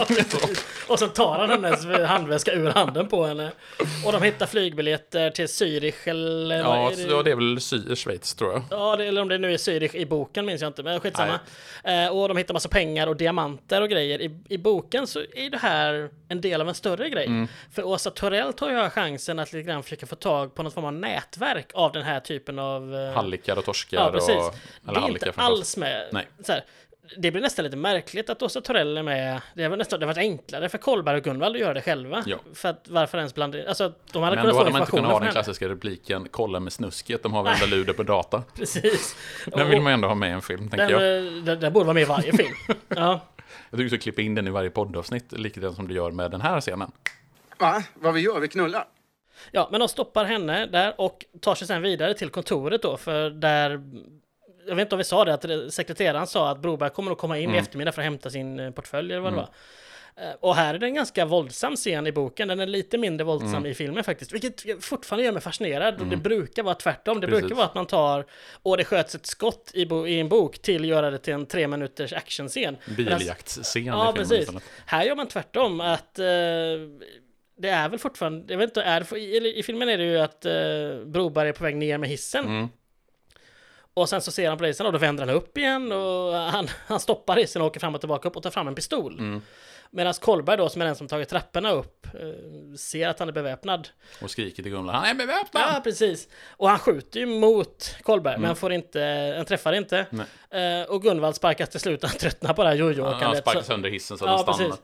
Och då ger sig Broberg ganska snabbt. Jo, för de, det, det ska man ju säga till Brobergs försvar, att han vet ju faktiskt inte om att de är poliser, Nej. för de identifierar sig inte. De hinner inte det. Nej, och han tror ju, och det, det, det, du vet ju nu i efterhand, Broberg vet ju fortfarande inte vem mördaren är. Nej. Så han han kan ju mycket väl misstänka att det här är liksom mörd, de som mördade Palmgren Ja. som nu är efter Broberg. Så det finns väl all, all, liksom, alla skäl för honom att vara nervös där i, eh, där i hissen. Precis. När han inte har fått eh, liksom någon identifikation. För när Kolberg lägger fram sin polislägg, då lugnar han ju ner sig. Ja, och tappar ner. Och tappar ner pistolen väldigt skakigt sådär. Han är ingen skytt. Nej, och han har klaustrofobi dessutom, Ja. så att han, han är ganska, han, han mår inte så bra där. Ja. Men så enkelt får de tag på honom, Mm. egentligen. I, I boken så sparkar väl Gunvald sönder hans typ tänder och vad det Ja, är. det, sådär. Gunvald är ju oerhört mycket mer våldsam Ja. i boken. Eh, som, och det får ja. Ja. Eh, och, och, det, och det skjuts fler skott där. Broberg känns som att han har en större agenda för att gå till attack i boken Mm. på något sätt.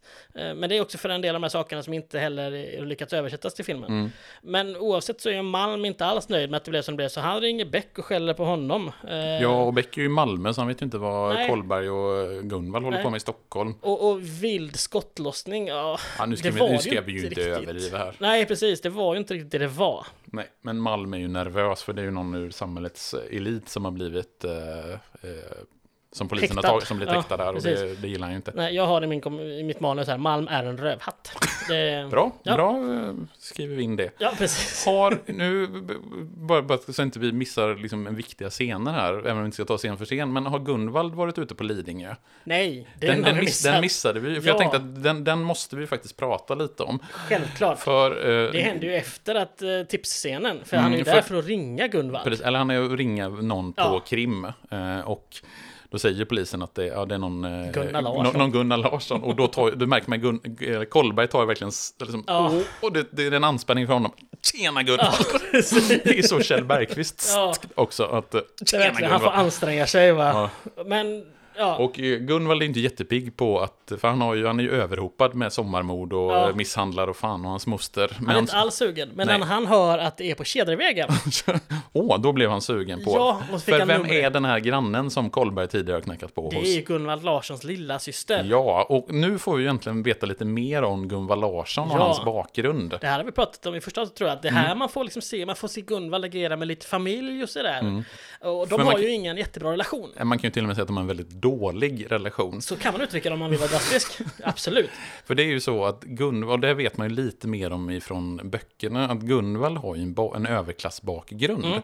Och det får vi lite antydningar i hans liksom, lite snobbiga klädstil och att han, att han bryr sig om liksom, klädmärken och snygga bilar och sånt. Eh, men att han har en överklassbakgrund och att hans syster då är gift med någon officer. Ja, han är på och- staben. och bor på Kedjevägen på Lidingö. Ja, precis. Eh, och att Gunvald liksom, att det här har, eh, att relationen liksom har kraschat för att Gunvald inte eh, anammar den här överklasslivsstilen och har valt en helt annan väg. Ja. Och hans syster säger, Lena T. Hansson säger ju där att han, pappa skulle rotera i sin grav. Verkligen. Om eh, han hade fått höra det här. Att du har inte ens kunnat bli kommissarie än. Och sen visar det, ja. Ja, i, i boken så är det ju, verkar det som att hon har tagit det mesta av arvet. Mm. Och att, eh, sådär, så att det, det verkar kanske inte helt fair där. Men Gunvald verkar samtidigt ganska fine med det. Så att, eh, Ja, alltså det fin- gör- finns ju ett ganska stort mått av klasshat hos Ja. Gunvald. Det är tydligare i boken, men det finns ju också i filmen. Eh, alltså man kan se att han, att han o, väldigt tydligt ogillar den här överklassstilen som hans syster har. Ja. Och sen visar det sig givetvis att eh, syrran har ju sagt till Kolberg att här ute spionerar vi inte på våra grannar. Men hon har ju stenkoll på Broberg. Ja, och vad. Broberg eh, har gjort, att han har sålt huset och bränt papper och jag vet inte om man gjort det, gör det, om de gör en poäng av det i filmen, det gör de också. Eh, I filmen så säger de just det här att ja, men det har varit någon som har köpt bilen, det har varit en mäklare på plats. Mm. där är det bytt mot en advokat i, Mm. i boken. Eh, och att han har suttit och bränt papper, eller bränt i ugnen i flera timmar. Det röker flera timmar. Mm. Eh, och det är roligt, innan där har ju Gunvald sagt att lägg av nu syrran, du är nyfiken som en hummer. Är det, är det ett uttryck? Jag har aldrig hört det uttrycket förutom i det här sammanhanget, men jag gillar det. Ja. Eh, Men, men ja, där får ju Gunvald reda på mycket om Broberg och det är det som gör kanske att de inser att det är lite bråttom sen och åka och Ja. plocka honom. Just för att han har sålt huset, bränt papperna, att han är också på väg att sticka. Ja, och vi visste redan innan att familjen har rest till Capri dagen Mm. innan. Det får vi reda på av hans vanliga sekreterare och sådär och att han väl ska åka efter på något sätt. Ja. Men, då, men, Men den så att scenen är skitrolig. Ja, precis. Där sitter man och garvar åt. precis. Men sen kommer den här scenen där de plockar Broberg Ja. i, eh, i den här, vad heter det? Trappuppgången, Svalen som vi säger där i Göteborg. Ja. Yes. Nu kan vi hoppa ner till Danmark igen. Är det Danmark de är? Ja, Skåne. Ja. Ja. Eh, För med hjälp av kustbevakningen så har Beck fått reda på var vapnet förmodligen har flyttat till land. Eller Ja. snarare lådan då. Precis, för För de, de vet ju om att Ja. den här eh, okända Bob Smith har eh, kastat i en låda från flygbåten över till, eh, till Kastrup. Och då har de liksom med hjälp av Strömmar och- strömmar och skit och sånt där eh, tagit reda på vart den här lådan kan ha flutit i land. Ja, och här Beck åker ut till den här stranden då som jag tror de ligger någonstans, vad är det de säger? Jag tror på kartan ser man Klagshamn eh, Mm. i söder. Dålig koll på Skånes geografi här Ja, måste jag men säga. det är mm, två distansminuter, alltså 3,5 kilometer. Mm, Som snyggt. alla såklart visste. hur mycket, hur lång är en distansminut? Eh, säg pass på den. 1852 meter är det väl? Hur lång är ett maraton? 4000, ja, 42 000 meter lite drygt. 42 195. 195, är det det det är? Kom, det kommer till i Stockholm Marathon. Ja, precis. Då ska jag förhöra dig på den igen. Då kan du ställa distansminutfrågan till mig så om jag kommer ihåg det. Ja, det ska jag inte göra. Nej. Eh, Men eh, han åker ut dit själv och det, det här tycker jag är en, kanske en av de sämre delarna med den här filmen, att han bara, han hittar en del av den här kartongen där. Mm. Som bara helt, det är helt orimligt att han hittar det, för han, det är inte så att han går och aktivt letar så mycket, utan det är mest som att han har åkt ut dit Han och... går och spatserar Ja. lite här på stranden och sen så råkar den stå där i en... eh, De har byggt, använt något, den. byggt eller de några barn som har lekt och byggt något, något sandslott Ja. har använt en bit av den här kartongen och satt upp Ja, den är någon bro över Ja. vallgraven liksom. Precis. Så han hittar den där och träffar även där ute, för det visar sig att eh, här ligger en liten småbåtshamn med lite bordar där Bertil Svensson har en Eller bord. Hubert från Bröderna Lejonhjärta som också känner honom som. Ja, precis. Men det är inte Wallander. bara så Nej, just det. Nej, men eh, så, så där eh, får vi helt plötsligt, får de ett samtal till. Mm. Och eh, Hubert säger att han har blivit arbetslös eh, och ska sälja båten och sälja även borden och att och när Beck ser att det är en fin utsikt, ja den är ju gratis i alla fall, lite, låter lite bitter får Mm. man ändå säga liksom. Vilket man ju kanske kan förstå. Och det är ju, kan man säga, det är, det är ju, du, att du tycker att det är en så dålig scen och att jag också tycker att det, det är alltså det, det osannolika Ja. i att den här eh, kartongen har flutit i land ganska exakt där Bertil Svensson råkar ha sin fiskebod och sin båt. Alltså det finns ingen som helst logik i den kopplingen på något sätt, tycker inte jag. Det, det, kan finnas något, ja, men som Beck säger i absoluta slutet sen, att ja, men det var locket som hittade dig. Ja. visst, absolut, men, men då helt plötsligt så fråntar man ju mycket av polisarbetet sin... Mm. Ja, det blir, det blir, det blir Ja. konstigt att den liksom har flutit land precis där Bertil Svensson har sin... Ja, för, för som sagt, Bertil Svensson i boken är en helt annan karaktär Mm. egentligen, det är en mycket yngre man. Och drivs av helt andra Ja. motiv framför allt. Och den här kartongbiten hittas ju av en familj som är ute och går, eh, på, den danska sidan dessutom, om Ja. inte jag är ute och cyklar. Som, eh, där barnet vill hitta den och vill leka med den. Och, Precis, och sen ja. är det Mogensen, den, danske, Ja. den fryntliga danska polisen som hör av sig till, eller till Sverige om att, vad de har hittat. Precis, men där tar man en genväg. Ja. Och så hittar man då på lådan it- initialerna BS. Bob, Smith. Smith, som- yes. Ehm, och det, det är ju Skacke och Månsson är med i den scenen. Mm. Ehm, och sen åker Beck tillbaka till sjukhuset för att prata med vår kära tyske gästforskare. Mm. Och det här han har gjort en koppling mellan ett företagsnamn. Mm. Eller han har, ja, för att på den här pennan som han, eh, som vi pratade om förut, Mm. som tyska gästforskaren tappar när de kruckar, så står det namnet Mercu- Mercurius Medical. Som då är en, en del av Palmgren-koncernen. Exakt. Och här eh, berättar ju gästforskaren i princip hela grejen, vad som är grejen med de här blod... eh, Att, eh, alltså, eller inte med Palmgrens blodgrej, men att de här smittade människorna finns, om hon pratar om någon i är det Litauen, eller Ja, det Polen, det kan- minns inte. På lite olika ställen. Och sen gör han väldigt snabbt en väldigt bra koppling där, Mm. Beck. Hur gör han den egentligen? Ja, det, gör, säger han det i filmen eller? Var det en boll du kastade upp till Jag kastade upp en boll till dig, en nej, jag- jättetaskig boll. Jag kommer faktiskt inte ihåg det. Nej, för Ja. jag... Det är det här som är grejen. För efter att han har varit på sjukhuset så åker han ju tillbaka till Bertils bord. Ja, just det. Med en det, polispatrull. Ja, just det. Att, man, man, alltså, att Beck på något sätt gör en koppling i sitt huvud. Att han förstår att den här Erik Svensson och Bertil Svensson, BS Bob Smith, är då Bertil Svensson. Och att vapnet är ju då inte Eriks vapen, utan det är de, någonting som Bertil och Erik har haft tillsammans. Exakt. Eh, och det här lyckas, tycker inte jag, de lyckas inte riktigt knyta ihop säcken på något snyggt sätt. Nej. Alltså för- man förstår ju mot Bertil Svenssons motiv, det gör man absolut, att hans son har fått smittat blod och ligger i koma, eh, kommer att dö. Eh, från Palmgren, alltså, det är Palmgren-koncernen som ligger bakom det. Sen av en slump så cyklar han förbi Hotell Savoy, ser Palmgren hålla tal och då går han in och skjuter honom med sin sportpistol. Ja, och att han då dessutom har jobbat för ett Palmgren-företag, eller för ett företag som Palmgren-koncernen köpte upp Mm. och sen la ner, för det säger han ju här. Ja, men det nämns ju väldigt, väldigt kort. Ja, det kommer ju här i den här scenen, Ja, nu och- när Beck åker och pratar med honom, för han lämnar poliserna Mm. vid eh, polisbilen Mm. och, och går och, och liksom pratar eh, och visar biter från aminoslådan för Bertil Svensson och då är det som att Bertil Svensson Ger upp. bara ger upp fullständigt. Bara, ja, det är mina initialer, Ja. Bertil Svensson. Och att, ja men ja, då, då, då berättas ju allt det här och han säger liksom att ja, men det var självklart Ja. på något sätt. Att, Ja, och jag kan tycka att det är lite grann, blir lite grann av ett antiklimax till en i övrigt ganska bra och spännande film. Ja.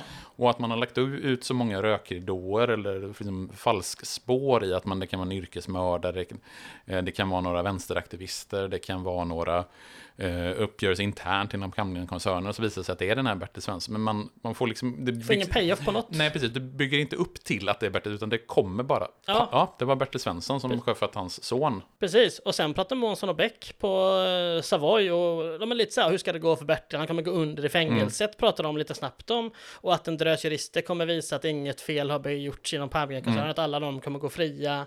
Och där har vi ju en del av samhällskritiken Mm. då, den avslutande samhällskritiken. Och sen går Beck ut genom eh, samma fönster som Mm. Bertil Svensson gick ut genom. Eh, Och, och ja, de pratar om att Skacka har en det här, för Skacka skrivit en rapport om eh, den här Thomas, Mm. han klämde honom, och den rev Månsson. ja, precis. Ja, så det här är lite faderligt agerande från... Nej, men för alltså, i, dem. I boken så är ju det en betydligt större del i hur de liksom hittar Bertil Svensson och hur de på något sätt klarlägger hans motiv. För det har vi varit inne på innan i det här avsnittet, att motiv, det finns ju ingenting med smittat blod eller någonting i boken. Utan det finns ingen son, utan det är ju Bertil Svensson som har, för det första då, och det är ju likt i filmen, han har blivit eh, uppsagd från sitt arbete. Eftersom, jag kommer inte ihåg om Palmgren-koncernen köper upp det eller om det Nej, är jag ett tror att han Palmgren- jobbar på Palmgren-företaget och typ att så 12 år Ja, och sen fått Ja. att de rationaliserade bort honom och så Ja. får han sparken. Och sen så det som kanske har blivit den tändande gnistan, det är ju att han bodde i ett hus som Palmgren-koncernen äger på något sätt i boken. Och han blir vräkt därifrån. Ja. Och först så verkar det som att han blir vräkt för att han har misskött sig.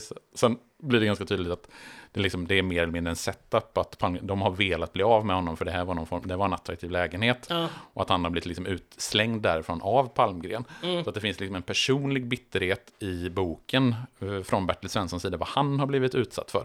Och han framstår ju som en betydligt mer osympatisk person i Mm. boken än vad han gör i filmen skulle jag säga. Ja, han är ju sena 30 i, i, i boken. Är han så jävla ung alltså? Ja, jag för mig att det är 37. Jag ska inte svära exakt på Nej, det. men det- det kan stämma. Det är bara ingenting man kommer ihåg, men- Medan han då är typ 60. I, Han är ju, han är en, äldre, Ja. han är en pappa till en vuxen son Ja, i alla fall. precis. Så 60-årsåldern, absolut. Och han är frånskild i boken med, med två barn i Stockholm. Mm. Och, och de träffar han ju då i boken när han, när han lyckas. För, för där är det ganska samma. Han tar sig över till Kastrup, flyger hem till Stockholm. Mm. Men är- där har han helt plötsligt massa pengar för att han har fått dubbla löner. Här får han tjuvåka, i, i filmen får han tjuvåka tillbaka tåget Mm. till, till Malmö för att komma hem igen. Medan han har massa pengar i Stockholm för han Mm. har fått dubbla löner för semestern och vad det Mm. pratas om. Så att jag tycker ju att skurk-Bertil i eh, filmen faktiskt är en mycket bättre skurk. Mm. Men jag vill ha... Jag, jag, det kommer så abrupt och helt plötsligt filmen slut. Mm. Det är som att om eh, filmen ska vara 90 minuter och efter 115, eller 115 minuter. Efter 85 åt- minuter. Ja, men efter 75-85 minuter så inser man shit, det är inte så mycket kvar. Vi får kutta ner det här slutet. Det, för mig känns det som att det saknas Ja, någonting det, här. det, det finns någonting som saknas i hur de liksom på något sätt kommer fram till att det faktiskt är Bertil Svensson. Ja, att, vi som, att vi som tittar lite grann lämnas själva i att dra en jävla massa slutsatser på liksom fem sekunder där. Ja, nej men där, där vi tidigare i, andra, i de andra filmerna kan följa med och går vi tillbaka så kan vi dra slutsatserna och det kan vi till viss del göra här också. Men att Beck så snabbt drar de här slutsatserna liksom från deras samtal på, i kafeterian till att, och framförallt då till han är hos gästforskaren och sen kommer på, alltså, för mig, det blir helt plötsligt lite Sherlock Holmes. Mm. Att han bara, där är Beck helt plötsligt superpolisen som, som löser som fallet. drar massa sl- slutsatser och därmed, i boken så är det mycket tydligt så att där är det liksom gediget polisarbete, Ja. att den här lådan har flutit i land, de kan utifrån lådan dra slutsatser om vapen, de kan pricka av på listan, de kan ta initialerna Bertil Svensson BS, och sen så kan de hitta vem Bertil Svensson är och så letar de i hans bakgrund och han är ju bosatt i Kirseberg i Malmö. Kir- Kirs, Kirseberg. Kirseberg, Ja. ja. man så? Okej, han är bosatt i Kirse, Kirseberg. Ja, precis. Eh, ja, jag är inte från Malmö som du hör. Nej. Eh, och där, eh, det är ju en av de fattigare liksom arbetarstadsdelarna. Ja, då var det för fattigt. Det ja, var ganska fint. Jag har faktiskt varit där ganska mycket. 1970 när Ja. boken utspelar sig. Ja. Och där, i liksom de här sista, då får ju Månsson, som ju då är i Malmö, Eh, och, i, och det är också en grej, i boken så är ju Månsson Malmö-baserad från början. Ja. Han är uppvuxen i Malmö. Och där får vi liksom Månssons klassperspektiv i skillnaden mellan Bertil Svensson, där han bor, och de här höjdarna Palmgren och Ja, direktör Limhamn och allt där ute, liksom. Så det, det klassperspektiv blir tydligare i boken. Ja, verkligen. Verkligen. Men, ja, så, så det är väl min stora kritik mot filmen, att den Mm. tar slut lite för fort helt enkelt. Mm. För här är filmen slut. Och vi, vi är i mål med polis, polis, potatismos. Ja, och vi har, vi har en mördare, vi har ett mordvapen och fallet är löst. Ja, precis. Vilket, eh, som du säger, blir väldigt abrupt på slutet. Ja, Och- det var Bertil Svensson med pistolen i restaurangen. ja. För att leka Cluedo. Ja, det ska man alltid göra. Ja, jag, jag, jag köper det. Nej, men ska, ska man liksom förha- eller bedöma den här filmen i förhållande till de andra? Om vi börjar med de två filmerna som vi har sett, eller som vi har pratat om, Brandbilen som försvann och Rosanna, Mm. så tycker jag att alltså, det finns fler roliga och bra scener i Polis, Polis Potatismos än i många av de andra.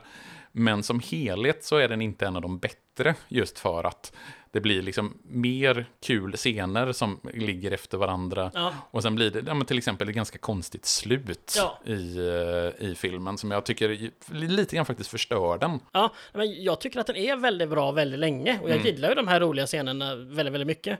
Men precis, exakt som du säger, slutet gör att man bara, jaha. För jag, jag får, även nu när jag såg den igår, det är ju tionde gången jag ser den minst Mm. liksom. Och det blir en sån här, jaha-känsla, är det Mm. slut nu? För, för jag känner mig inte färdig med Nej. den här filmen. Nej, men man vill ha mer info, alltså man vill ha mer just hur kommer Beck fram till att det är Bertil Ja. Svensson där, vad är den liksom kopplingen Precis. som man gör. Eh, Sen förstår man ju den, men man vill ha den liksom väldigt tydligt, man vill ha den visualiserad i filmen tycker jag. Precis. Ja, är vi nöjda? Eller ska vi sätta ett betyg på den? Jag vet inte, har vi gjort det de två andra? Det har vi gjort för de andra två, ja.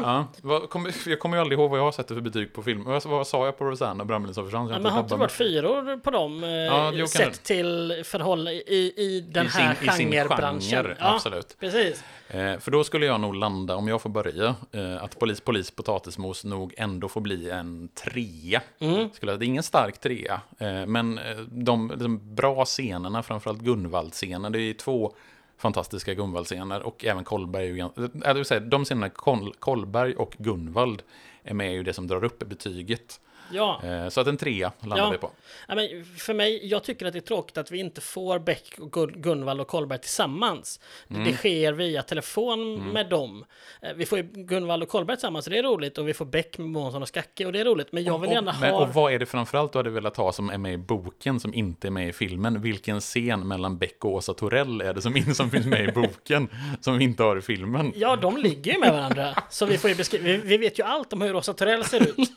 Och, hennes kön och sådär. och, Ja, vi har dock ingen aning om hur Beck ser ut, vare sig slak eller regerad till Nej. exempel, som vi typ vet om henne. Nej, för det, det är ju en sån där scen som känns oerhört märklig i, Ja. eh, i boken och som jag är tacksam att de inte överför, för det hade känts oerhört creepy om Gösta Ekman hade legat med Åsa Torell, som jag inte kommer ihåg vad skådisen heter nu. Är det väl... Är det Lena Nilsson? Ja, så kan hon heta. Eh, Men i boken så är det ju, då åker ju Åsa Torell ner till, till Malmö. Precis. Och, eh, och får man ju reda på också att det är Kolberg som har skickat dit henne för att hon tycker att, eh, det, eller Kolberg tycker att det är dags för Beck att få ligga lite. Precis. Och sensualisten Kolberg har ju såklart eh, förutspått att de, Åsa Torell och Be, eh, Beck ligger med varandra, Ja. vilket de gör i boken. Men, Men, det säger Beck att han inte ska säga till honom. Sådär. Just det. Men mitt betyg eh, landar nog också på en trea av mycket av samma anledningar. Jag tror att vi har ganska samma syn på den här filmen. Eh, Jag gillar den som sagt väldigt, väldigt mycket scen för scen, men jag, för mig är Beck-filmerna på någonstans ska vara mer i Stockholm. Mm. Det är Ja, framförallt så det som du sa där som jag faktiskt inte tänkte på men som såklart blir ett minus. Det är ju att, Beck, Kolberg och Gunvald inte är tillsammans. Nej, vi- vi och får jag tror inte- inte att, jo, Kolberg och Gunvald är ju med i samma scen vid ett tillfälle när de tar eh, Broberg. Ja. Det är väl egentligen enda gång de två är tillsammans. Annars kör ju eh, Kolberg sitt race på Lidingö, Gunvald kör sitt race. Ja. Det kan vara så att de är med ytterligare någon scen tillsammans, men det är väldigt mycket de tre separat Ja, med varandra. Och man kan tycka vad man vill om Skacke, men det är ju inte honom man tittar på de här filmerna för att se. Nej, han, har, han, han ser man ju, vill man ju se för att man vill se honom lite grann bli satt på sin plats och Mm. lite grann ja, men få vara den yngre, lite slagpåsen inom citationstecken. Och det är ju framförallt Kolberg. Och Ja. Framförallt Kolberg är ju den som slår på Skacke på ett väldigt eh, snyggt sätt. Även Precis. Gulva kan ju lägga några dräpande repliker. Det är inte så mycket av det. Nej. Det är väl det där när han kommer och, och säger hur många Bob Smith som har varit Ja. i... i... Sen bara ingen, men, men då går de ju Ja, bara, det- han och Månsson bara ja, fortsätter gå Det är ner ingen dräpande kommentar där. Nej. Så att, eh, absolut. Så ja, nej men tre år ganska generellt Mm. eh, känns som på den här eh, På den här svenska krimskalan Ja. som vi har här nu. Precis. Jag kommer att tänka på en rolig detalj från boken. Det är, Mm. det är en fotbollsmatch på slutet där. Mm. Eh, om du minns det. Eh, när, när Skacke själv förföljer Bertil Svensson. Nej, det, den kommer jag faktiskt inte ihåg. Nej, eh, han, han går förbi någon och då är det BK Flagg mot FBK Balkan. Ja, just det, det Vilket du alltså rätt är i. två av Zlatan Ibrahimovics moderklubbar. Vilket är Ah, roligt. Snyggt. Han har också spelat i någon Malmö MBI eller sådär Ja. som inte finns kvar längre. Eller den har typ blivit någon annan Mm. klubb. Men just FC, eller BK Flagg och, och Balkan, det är hans två Mm. moderklubbar. De har slått som lite så här rätt till ersättning. Har du eh, gjort research och kollat om de här två lagen faktiskt mötte varandra i Malmö på en grusplan där 1970? Det har jag inte gjort, men båda att- lagen fanns sedan 19 ganska länge Mm. och de var, är väl lite grann, om det är Balkan framförallt, mycket jugoslaver, Mm. det hör man ju av namnet bland annat.